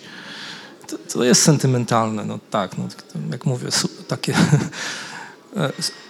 zdaję sobie z, jakby z, w, z tego, tego wydźwięku sentymentalnego może, ale w jakimś sensie to też łączyło się z historią moją rodzinną, to znaczy zrobić zrobić coś, no ale oczywiście coś, co nie zmarzy winy w żaden sposób, bo nie może jej zmazać. To też burmistrz Kuczyński o tym mówi ze Szczuczyna, chociażbyśmy tam postawili złoty pałac nad tym pastwisku, sk- gdzie, gdzie krowy się paszą, pasą i gdzie są doły śmierci z, z kolei ze szczuczyńskimi Żydami, mieszkańcami żydowskiego e, miasteczka, jakim był Szczuczyn, to i tak nie, nie zmarzymy winy przodków. Z drugiej strony pojęcie winy, e, czy to poczucie winy jest mi dość obce tak czysto intelektualnie. Ja je czuję oczywiście. Myśmy często o tym z Marcinem rozmawiali, na którym poziomie jest wina.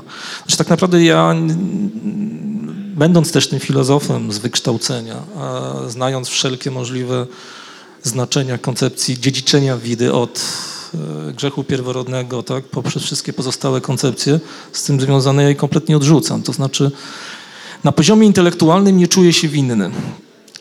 I chciałbym też, żeby mm, mieszkańcy miasteczek, o których rozmawiamy, czy w ogóle ludzie żyjący w tym kraju, w tym drugim, trzecim pokoleniu, zdali sobie sprawę z tego, że ta wina nie przechodzi że nie może przejść. Znaczy to, że ktoś się urodził w rodzinie sprawców, nie czyni go sprawcą.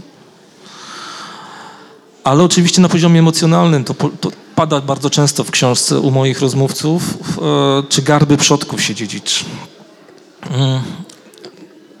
Dziedziczy się winę chociażby w ten sposób, że się nie mówi o zbrodni, że się ją zakłamuje. To jest ten wymiar tak, odpowiedzialności, którą, którą się ponosi, ale taką winę bezpośrednią w rozumieniu winy po przodku, no nie, ja przynajmniej tak na to nie patrzę i myślę, że myślenie tego rodzaju jest szkodliwe, to znaczy i nieracjonalne, i, i niepotrzebne, ale oczywiście czuję to, tak, znaczy to jest ten poziom z kolei, który we mnie tkwi i który mm, zmusza mnie do, do, do, do, do, do ronienia łez i do płaczu, tak, w, w miejscach, w których e, są pochowani ludzie, ale to też dlatego, że mm, jakby to, co w, w, mnie wzburza w takim miejscu, myślę, że każdego normalnego człowieka wzburza, to jest to, że można to było zrobić, można było zabić, można było wrzucić do dołu, można było zakopać, a potem zakłamać tą rzeczywistość tak bardzo, że właściwie nikt o tym nie pamięta dzisiaj. I to też sprawia, że mm, ja się, znaczy to wzburzenie przekłada się też na takie zdziwienie, że oto świat jest tak bardzo nie chcę używać słów mocnych, ale e, straszny, znaczy zły, straszny, dziwny. Co więcej, czyni mnie to, jakby wzmacnia moje poczucie takiego ogólnego zagrożenia, bo zdaję sobie sprawę z tego, to się może w każdej chwili powtórzyć. Myśmy kiedyś o tym rozmawiali, tak? Wystarczy, że wyłączymy, włączy się prąd, zatrzyma się dostawy do, do jakiegokolwiek miasta na tydzień i, i, i mamy właściwie, możemy mieć w każdym razie powtórkę Szczuczyna, tak? Bo ludzie zaczną walczyć o przetrwanie i znowu, lub z jakichkolwiek innych powodów zaczną się zabijać i znowu to się powtórzy.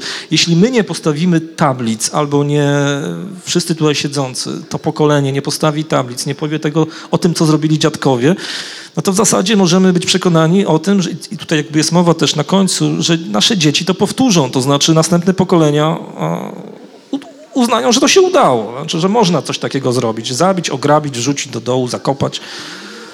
O, i dlatego e, e, to mnie porusza. To znaczy, to był taki nerw, który pchał mnie do działania. Znaczy, nie pozwolić na coś takiego, postawić tablicę, nie wiem, napisać o tym książkę. Tak? Um, natomiast jak to jest w rodzinie? O, w rodzinie to jest zwykle tak, że mm, ktoś, kto mówi, znowu to zabrzmi bardzo tak podniośle, prawdę, tak? Ja nie chcę, żeby to tak brzmiało. To ponosi konsekwencje różnego rodzaju, znaczy e, konsekwencje głównie skupiające się wokół wykluczenia szeroko rozumianego. No ja teraz tego doświadczam, no, ale to było jakby wpisane w logikę e, tego, co robię. Sobie zdawałem z tego sprawę, przyjmowałem to jako konsekwencję mojego działania. Mam nadzieję, że moi bliscy to przepracują. O, znowu używam języka psychologicznego, ale jakoś się z tym zmierzą. Ich pierwszą reakcją był gniew. To było oczywiste.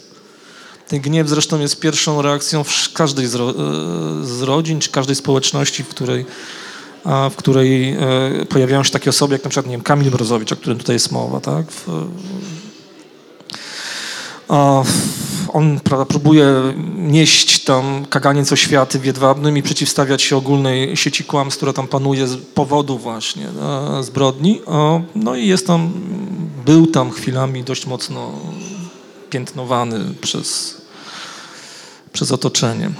Jak, jaka jest sytuacja teraz? No z tego, co odbieram sygnały po premierze książki, no ogólnie nad podziw dobra, to znaczy wyłączając z tego moją sytuację osobistą, ale myślę, że też jakoś się e, to unormuje i, i, i rodzina się z tym zmierzy.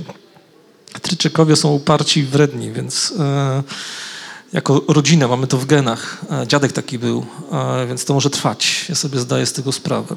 Też pewnie jestem uparty, ale na pewno jestem uparty, wredny też. E, Natomiast, e, natomiast nie, nad podziw dobre. To znaczy myślałem, że będzie, będą to takie reakcje w rodzaju, e, nie wiem, telefon, że tam ktoś kogoś wyrzuca właśnie z domu albo, nie wiem, bije czy cokolwiek takiego. Nie, nie, nie, nie ma takich reakcji. Ci rozmówcy, którzy są w książce, też wiedzieli, na co, na co się decydują. Ci, którzy id- idą pod nazwiskiem, ci, którzy chcieli anonimizacji, no, ja się na to godziłem z racji tego, z Marcinem takie e, tutaj decyzję wydyskutowali, em, bo mają do tego prawo. Pamiętajmy o tym, że to magia nazwiska działa. Ja w- pierwszej książce Miasta Śmierci mm, anonimizowałem wszystkich. Jak leci, każdego, e, włącznie z ofiarami, co zresztą było absurdalne w takim sensie, że ofiarom się należało e, pełne imię i nazwisko, ale ja uznałem, że wybierając e, którąkolwiek z grup, e, doprowadzę do jakiegoś znowu napięcia między. Więc ostatecznie zanonimizowałem wszystkich, idąc jakby tym tropem myślenia, że nie wolno stygmatyzować tych następnych pokoleń e, przez pryzmat nazwiska, który był związany ze sprawcą przodkiem. Dalej tak myślę, tak de facto, to znaczy, że, że, że, że nie powinno się używać nazwisk, ale z drugiej strony niektóre nazwiska są w tej książce, dlatego że po pierwsze y, to są rodziny takie, które już przepracowały, to na przykład Skrocki. Tak, Skrocki mówi, on o tym całe życie myślał, całe życie się z tym mierzył, całe życie był w konfrontacji z ojcem. Opowiedział o tym Annie Bikont, em, teraz mówi to pod nazwiskiem o tym, co zrobił jego ojciec, ma do tego prawo. Ja też napisałem o tym pod nazwiskiem, dlatego o tym, co zrobił dziadek. E, trudno to było, nie, no ale jakby mi przyświecała taka myśl, e, na koniec już może, że ja mam okazję zachować się inaczej niż on. To znaczy mogę niejako w zastępstwie jego powiedzieć o tym, co zrobi. Mam nadzieję, że dziadek w ostatniej chwili swojego życia prawosławni w to wierzą, że jest taka możliwość. Nawet w ostatnim tchnieniu można się nawrócić. Ja mam nadzieję, że on e, chciałby, żeby jego wnuk opowiedział o tym, co zrobił, ponieważ e, a jeśli nie, jeśli jest gdzieś tam w tym kręgu piekieł um, i tego nie chce, no to, to się na mnie wścieka w tym momencie, ale może, e, może niejako w zastępstwie nie, niego opowiadając o tym, co zrobił, jakoś go tam uradowałem. To jest taka jakby moje spłacenie długu i w tym sensie uczynienie trochę świata, e, naprawienie trochę świata. Oczywiście naprawienie w żadnym sensie nie następuje. Zagłady nie można cofnąć, życzenie można zwrócić. Um, no tak, prawda jest dwa metry pod ziemią. To, to tak i, nie, i, i cały czas tam jest. Czy Państwo może chcieliby coś od siebie e, dorzucić? Macie Państwo jakieś pytania do autora czy autorów, powiedzmy, tak? Ja, ja mam tutaj jeszcze dużo, więc mo- mogę się z Państwem, jeżeli to jest w porządku, umówić tak, że, że ja pozwolę sobie dalej prowadzić tę rozmowę, ale może w tym czasie się przełamiecie, bo to czasami też tak bywa, że... E, O. Ja mam pytanie, jeśli O. można, tak? Jestem. Na tyle, na ile mogę Państwa prosić o, przedstawienie się, ale oczywiście A Mam na imię Justynę. Y, Ja mam takie pytanie i do pana Kąckiego, i do pana e, Tryczyka. Mianowicie byłam na spotkaniu autorskim, mm, nie pamiętam, czy to było publiczne, czy jakoś prywatne, czy ja to przeczytałam, nie pamiętam, z panem Grossem, który powiedział, że po książce Strach nie było tak naprawdę dialogu polsko-żydowskiego, był dialog polsko-polski. E, i w prasie, który się przetoczył i tak dalej. E, Ostatnio wyszła książka Płuczki, teraz wyszła książka Pana. E, Czy panowie uważają, że nastąpi kiedyś dialog e, polsko-żydowski? Bo dialog polsko-polski ciągle trwa tak naprawdę.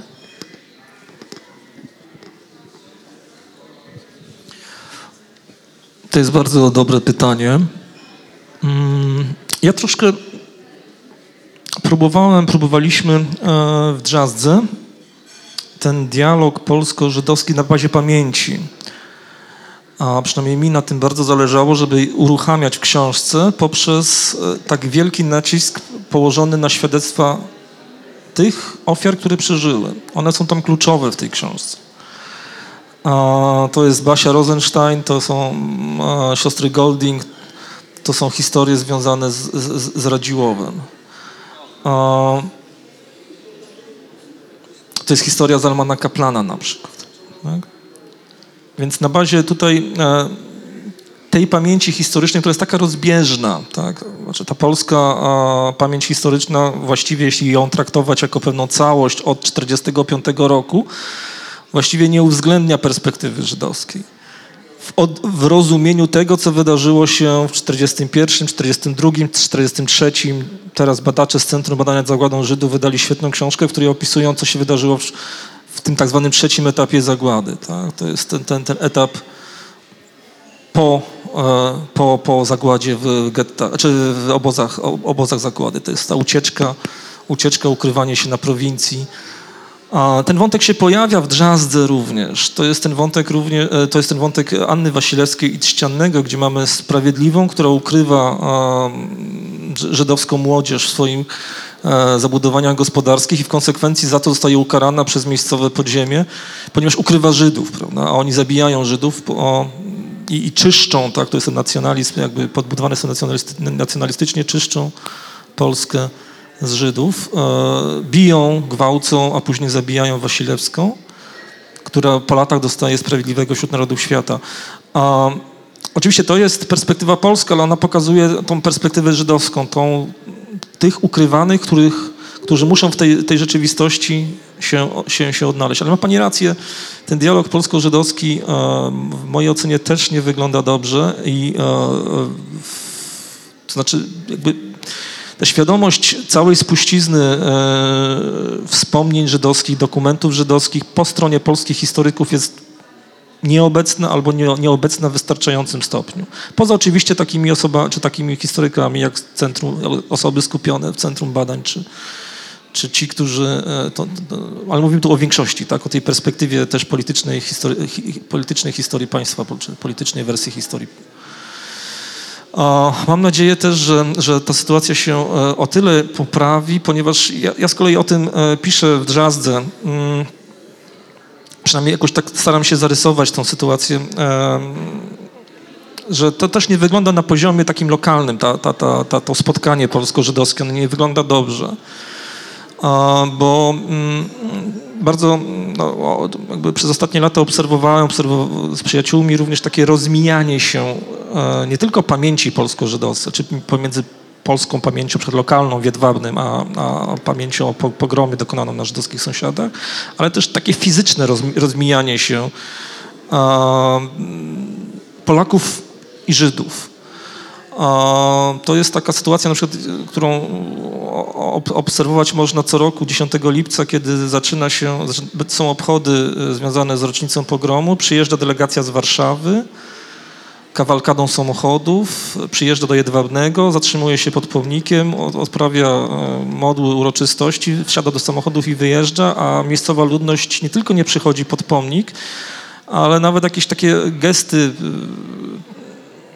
e, wykonuje w stosunku do osób zamkniętych w tych samochodach i wyjeżdżających z miasta. Znaczy to, te gesty oczywiście nie, nie zawsze są wrogie. Czasem machają tak, ale to tylko pokazuje, że tego spotkania brak. Znaczy te, tego e, człowieka z człowiekiem w oczy w oczy. Tak? E, Potem to samo się powtarza w Radziłowie, Szczuczynie, Wąsoszu i na koniec w Bzurach ostatnio. To jest sytuacja niedobra mo- w mojej ocenie. To już mówię jako społecznik na przykład, tak? taki człowiek, który chciałby tą sytuację zmienić.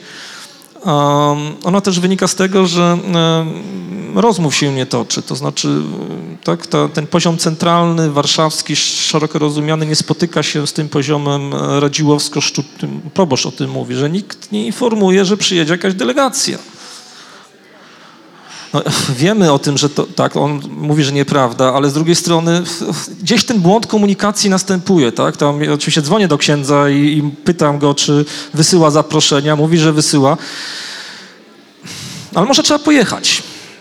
Albo na przykład, e, nie wiem, zebrać się w pewnym momencie. To są jakieś praktyczne rzeczy, zostawmy tam e, te technikalia, ale chodzi o to, że brakuje spotkania człowiek-człowiek. Oczywiście nie ma też wsparcia edukacyjnego, to tam utyskiwania lokalnych e, prawda, przedstawicieli, którzy mówią o tym. Um, więc e, jest mnóstwo do zrobienia, jednym słowem, tak, w tej, w tej relacji, e, relacjach polsko-żydowskich i na poziomie historycznym, i na poziomie takich, bym powiedział, spotkań, które by zaowocowały przełamaniem pewnego schematu niemocy, który ma miejsce w tej chwili w trakcie różnego rodzaju uroczystości, ku czci bo ten schemat niemocy jest straszny. Znaczy, naprawdę to jest sytuacja, w której trochę to wygląda jak taki najazd Warszawy na, na, na Radziłów. Tak? Em, To nie jest dobra sytuacja. Ja, e- edukacyjnie to jest fatalne. tak? Ludzko to jest fatalne. Czy-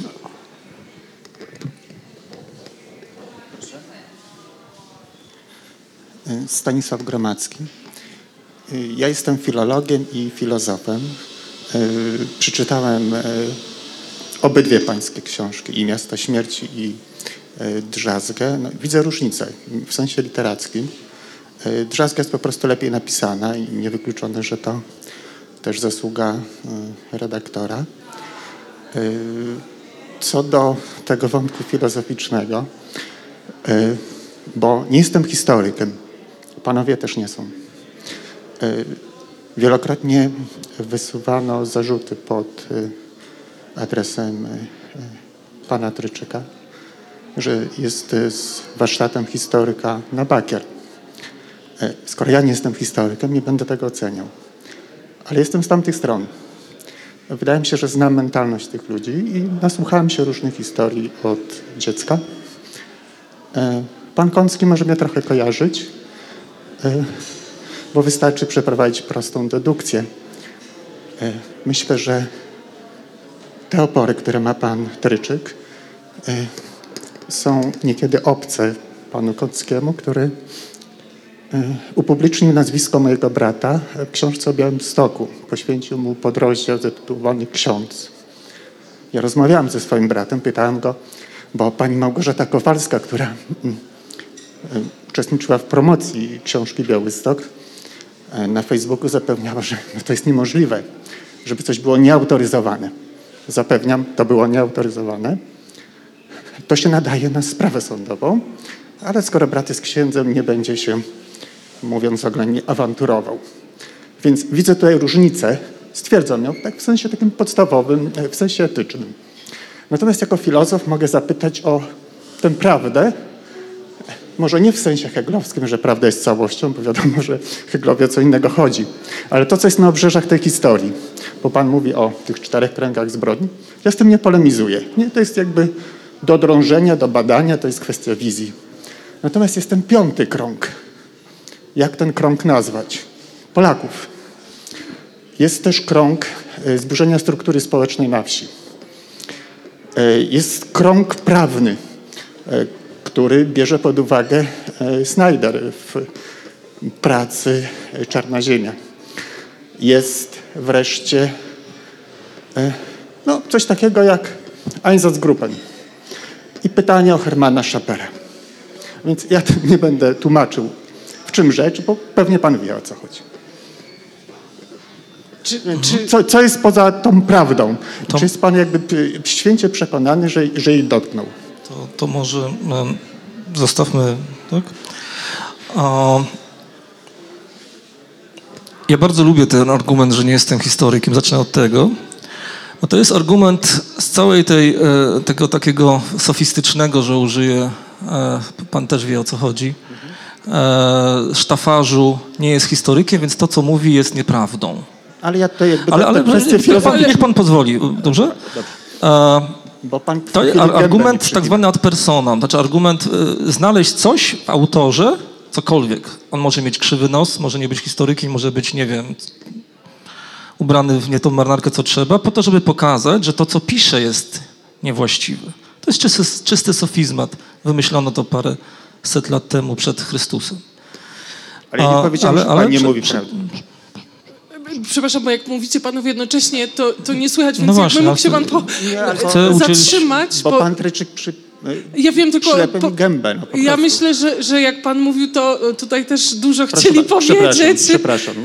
No. Um, ja nigdy bym się nie, nie poważył pisać o starożytnym Egipcie na przykład. Ani nigdy bym się nie poważył pisać o średniowiecznej Europie. Nie mam do tego kompetencji, to jest jasne. Natomiast e, piszę o wydarzeniach sprzed 79 lat na bazie dokumentów sądowych, do których kompetencji czytania, jako filozof z wykształcenia, rozumiejący tekst, E, uznaję i i rozumiem, że je posiadam. Nie trzeba kompetencji historyka znającego się na średniowieczu czy na starożytnym Egipcie. To jest, każdy dziennikarz sięga po takie źródła, każdy reporter, każda osoba, która po, po nie się uda, może je przeczytać, zrozumieć i zinterpretować. Miasta Śmierci o tyle w ogóle były książką, mam wrażenie, e, bezdyskusyjną, w tym znaczeniu, że tam były same źródła. Plus część e, komentarzy, z którymi można się nie zgadzać lub zgadzać lub nie, ale źródła były źródłami. Tutaj te źródła są w e, tej książce i, i też również i, i, i proszę zauważyć, no to są cały czas dokumenty, które nie przekraczają możliwości interpretowania człowieka, który jest w miarę średnio wykształcony. Co do e, Hermana Schapera i Einsatzgruppen. Oczywiście... e, A jednak ja- ja- jakbyście nie- tylko państwo w dwóch zdaniach dla całej reszty, Okej. która E, niekoniecznie... To jest tak zwany problem winy niemieckiej, odpowiedzialności niemieckiej za pogromy z 1941 roku, bo rozumiem, że o tym pan tutaj mówi. E, Ja, jak pan czytał książkę, to świetnie wie, e, piszę zarówno w rozdziale o Radził, Radziłowie, jak i o Wąsoszu o obecności Niemców przed samym pogromem. Nie uciekam od tego problemu, są fakty historyczne. Oczywiście, że był Haja Finkelstein w swoim pamiętniku opublikowanym po wojnie, we wspomnieniach mówi, że przyjechała e, ta- taksówką, że tak będzie taksówka, kilku Niemców na rynek radziłowski i byli tam kilka godzin przed pogromem. Wydali zgodę na pogrom. Miejscowi pytali, co można zrobić z Żydami, a e, Niemcy odpowiedzieli, róbcie z nimi co chcecie, macie na to trzy dni.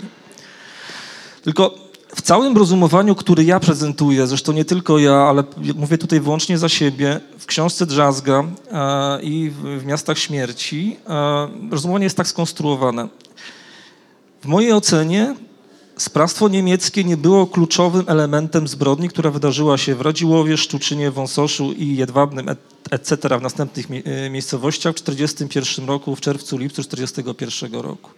Żeby zmusić do zamordowania sąsiada skłonić do zamordowania sąsiada, jego dziecka, jego żony, rozbić temu dziecku głowę o ścianę, trzeba czegoś więcej niż kilkugodzinna zachęta, namawianie i nawet najbardziej gorące, najbardziej, nie wiem, e, ideologicznie zacietrzewione namawianie na rynku dokonane przez jakichś obcych Niemców, którzy przyjechali na kilka godzin na tym rynku stanęli.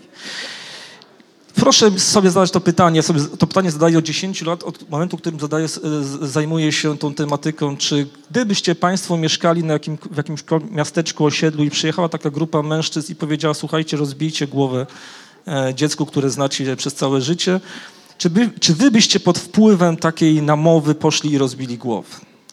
A skoro odpowiecie sobie negatywnie, to wówczas musicie wziąć pod uwagę inne powody i inne okoliczności, o których piszę zarówno w Miastach Śmierci, jak i w Drzazdze, jasno wskazując, że skoro w 1933 roku w Radziłowie doszło do pierwszego pogromu, to znaczy chłopacy z obozu Wielkiej Polski przyszli do Radziłowa, zaatakowali posterunek e, policji, w którym zamknięto wcześniej e, kilku działaczy, uwolnili ich, a potem zaatakowali Żydów i było pięć ofiar śmiertelnych, z czego jedna Hanna Sosnowska z Jedwabnego, która przyszła, Żydówka, na rynek w Radziłowie zrobić zakupy, została uderzona kłonicą, mózg jej się rozlał i w związku z tym została zabita. I czterech członków OWP, bo policja do nich strzelała, broniąc Żydów, co pokazuje, że państwo polskie broniło tych swoich żydowskich obywateli, a narodowcy, którzy atakowali tych żydowskich obywateli, działali wbrew państwu polskiemu.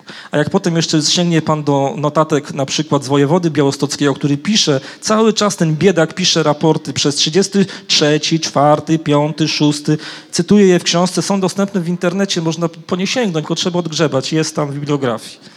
I on pisze o tym, że psychoza antysemicka ogarnęła tą młodzież, że, że środowiska narodowe są cały czas tak silne, a w ogóle Kościół je wspiera i ciągle są, e, i, i ta młodzież jest przeniknięta ideałami narodowymi, to znaczy w jego rozumieniu antysemickimi. Trzeba rozwiązać kwestię żydowską. Facet jest przerażony, jak o tym pisze.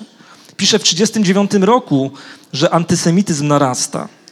A, jak, a skoro w 1939 narasta, w 1933 był pogrom, później w 1936 powtórzony, i w 39 narasta, to znaczy, że w 41, kiedy zaczynają palić na ulicy Pięknej, a potem zabijać nad, nad dołami lodowni, to naprawdę oczywiście sprawstwo, czy jakby i, inicjacja, czy zachęta ze strony niemieckiej następuje, ale czy to był główny powód i czynnik? W mojej ocenie nie był. Nie była nim też kolaboracja żydowska, bo ofiara po pierwsze nie jest winna, po drugie Żydów wywożono na Syberię i w związku z tym cała ta mitologia mówiąca o współpracy żydowskiej jest błędna, tym bardziej, że w Miastach Śmierci cytuję też e, obsadę urzędniczą rejonu Jedwabnego ściągniętą przez IPN z archiwum Białorusi, to wtedy była zachodnia Białoruś, więc e, ta obsada jest, e, była w archiwach białoruskich, jest teraz w Instytucie Pamięci Narodowej. I jasno z niej wynika, że tam 90 kilka procent to są tak zwani Białorusini, ponieważ władza sowiecka przywiozła sobie tych, tych urzędników własnych. Żydów jest około 8%, Polaków, jak dobrze pamiętam, to liczyłem to w miastach śmierci 7,5%. Współpraca też Żydów z aparatem sowieckim polega nie tylko na współpracy z NKWD, jak to prawda ta, ta, ta narracja e, strony powiedzmy negacjonistycznej, nacjonalistycznej wygląda, ale to jest też taka współpraca, której, e, którą na przykład pełni mąż Hai Finkelstein. E, Izrael, który ma przed wojną młyn, wkraczają Sowieci, nacjonalizują ten młyn, robią go kierownikiem. On jest kierownikiem we własnym młynie. Na tym polega ta współpraca. Więc czynnik współpracy, czynnik kolaboracji, czynnik wywózek też nie jest w związku z tym czynnikiem najważniejszym.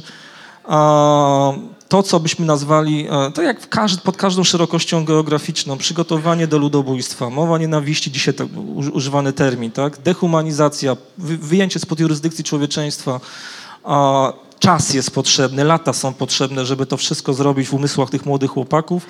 To samo się dzieje w Ruandzie, to samo się dzieje w Wietnamie, to samo się dzieje w Kambodży, to samo się dzieje w Jugosławii. Tam to wszystko nie wybucha dlatego, że przyjeżdża jakiś patrol i mówi, słuchajcie, zabijcie sąsiadów. A, więc z mojej perspektywy tak ta, ten, ten, ten przebieg wydarzeń wyglądał i tylko w ten sposób, z mojej, można się z tym nie zgadzać, można z tym polemizować, da się wytłumaczyć to, co się wydarzyło w 1941 roku w czerwcu i w lipcu. Pamiętajmy o tym, że w Szczecinie nie ma w ogóle w tym czasie Niemców. Nic o tym nie świadczy, nie ma ani jednej relacji, która mówi o tym, że tam Niemcy się pojawiają w rozumieniu jakiejś Einsatzgruppen. Pojawia się Wehrmacht siostry Golding piszą o tym, że dlaczego pojawia się We- Wehrmacht? No bo przecież trwa Barbarossa, ofensywa na Związek Radziecki. Normalny ruch wojsk, jak przy każdej ofensywie, zaopatrzenie, żołnierze maszerują. Pojawiają się w Szczuczynie, siostry Golding mówią o tym, że wspólnota szczuczyńska przekopuje, przekupuje tych Niemców, żeby pilnowali porządku na ulicach. Na chwilę zabijanie Żydów ustaje. Więc tak wygląda ta sytuacja. E, wracając jeszcze do tego wątku z anonimizacją, no powiem tak, anonimizacja zawsze jest trudnym, e, trudną decyzją, bo ona pozbawia na przykład książki autentyzmu. Po drugie, e, wydaje mi się, że w ogóle mm, jeśli mówimy o współczesnych ludziach, którzy udzielają wypowiedzi e, i decydują się na to, to, to reporter ma obowiązek e, mówić o tym, kto, kto to mówi, chyba że ma jakieś wyraźne obostrzenia, że ktoś sobie tego nie życzy. Jesteśmy dorośli, tak? Mówimy to, co mówimy, robimy to pod nazwiskiem. Jeśli to jest taka sytuacja, w której, e, w której jest to istotne, wydaje mi się, że trzeba to publikować pod nazwiskiem. No chyba, że ktoś wyraźnie, no, absolutnie nigdy więcej, ale to też e, zauważcie, tego rodzaju z, tym, z, z tą, tą kwestią um, jest pewien dylemat moralny, etyczny, tak? No, prawda jest ważniejsza, czy tak? sytuacji, ten, to, ta, którą, ta, ta prawda o sytuacji, którą ktoś ma do powiedzenia, czy, czy sytuacja, w której on w pewnym momencie na przykład stwierdza, że on nie chce, nie chce, żeby to zostało opublikowane. Znaczy, wyobraźmy sobie sytuację skrajną, pan, nie wiem, ktoś wie i mówi o zbrodni, a potem się wycofuje i mówi, że nie chce, żeby to było pod moim nazwiskiem powiedziane. Co ja bym zrobił w tym momencie? Opowiedział historię zbrodni nawet pod nazwiskiem. Znaczy, no, pod nazwiskiem, bo to kieruje do człowieka, który, który to powiedział. Um, to jest dla mnie jasna dość sytuacja e, moralna, abstrahując od tego, co pan powiedział, bo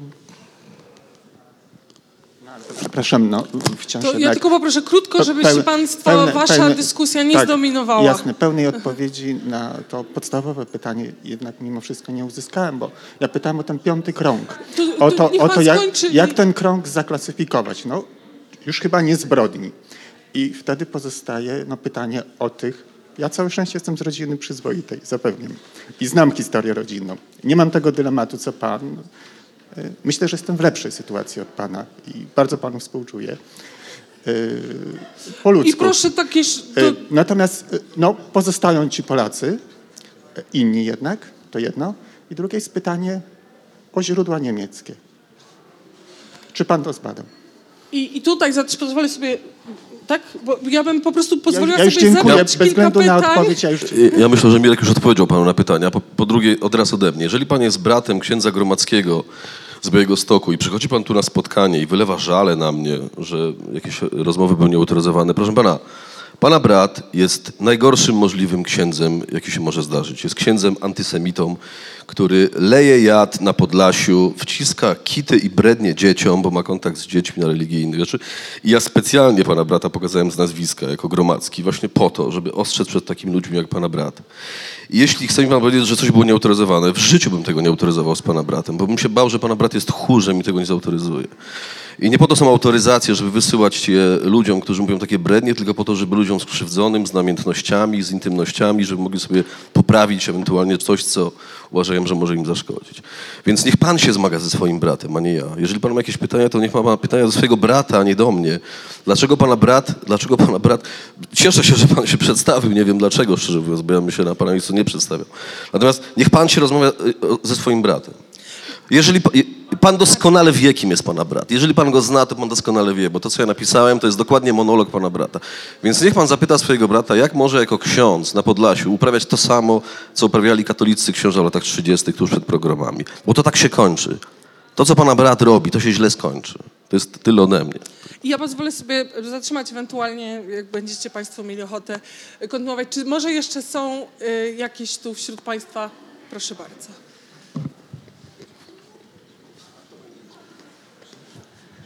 Maciej Olejniczak. E, Ja chcę bardzo serdecznie podziękować za obydwie książki. E, Jestem pod dużym ich wrażeniem. Pierwsza o charakterze ewidentnie historycznym pokazała po słynnej książce Grossa skalę tego, która rozrastała się, a o której Jak Państwo widzą, nie jestem najmłodszym człowiekiem, bo się urodziłem 5 lat po tych wydarzeniach, a o której przeciętny Polak, i do nich się zaliczam, nie za wiele wiedział. Nie za wiele wiedział. Gdzieś się coś o tym mówiło.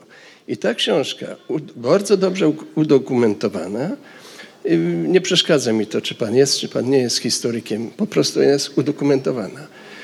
E, była ważna jako zapis pewnych faktów. Natomiast ta, powiedziałbym, że jest jeszcze ważniejsza. Ona pokazuje, że my teraz znajdujemy się bardzo kiepskim punkcie. Że my jesteśmy nadal, nie rozstrzygnęliśmy tych problemów jako, nie wiem, do pana piątego kręgu się odwołuję, jako Polacy, jako obywatele. My raz musimy to zamknąć. Ta książka powinna być szeroko korporatowana, a władze państwowe w ramach tej polityki historycznej, o której była tu mowa, powinny zająć jakieś stanowisko.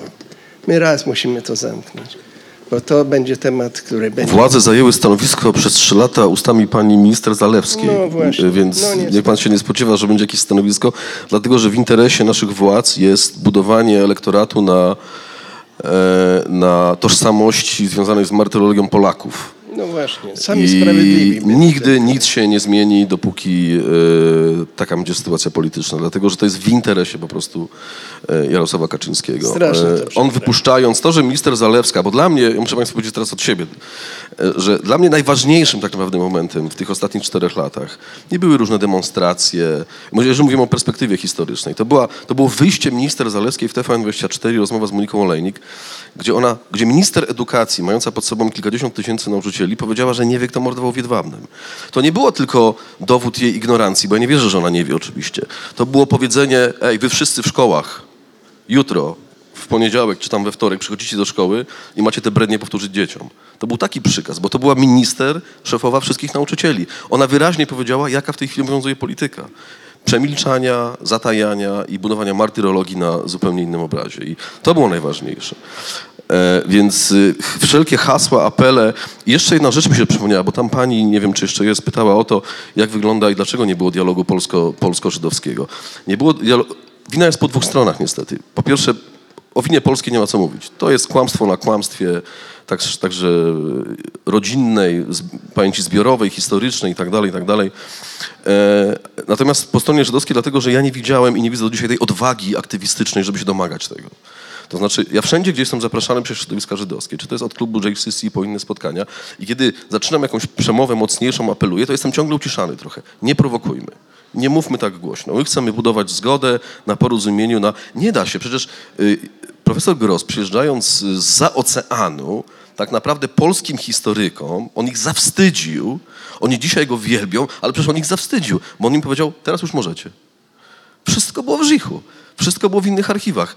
Wszystkie świad, e, relacje i, i, i, i, wszyscy świadkowie zapisani, tak jak w relacjach sierpniowych i w innych, to wszystko było w dokumentach. Przecież Gross nie, nie, wyciągnął tego z podziemi, tak? nie wykopał jak archiwum Ringenbluma nagle z 10 metrów z podziemi, tylko y, wykolportował niejako dostępne dokumenty. Więc y, dlatego mam problem z, z dzisiaj z polskimi historykami, którzy idą w pierwszym szeregu, krzyczą, że trzeba mówić głośno o zagładzie.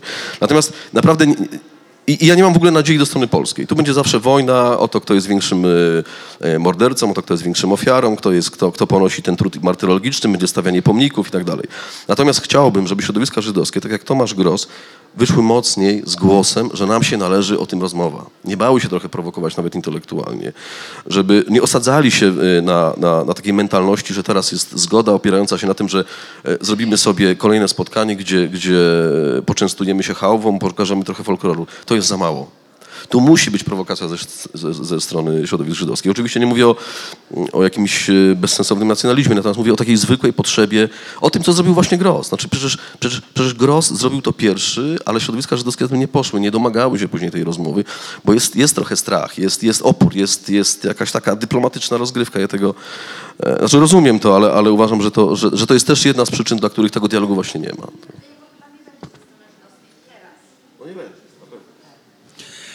W zasadzie to powinniśmy kończyć, więc ewentualnie, jeżeli ktoś jeszcze z Państwa chciałby coś dorzucić, to jest ostatnia szansa. Bardzo Państwu e, dziękuję za, za spotkanie.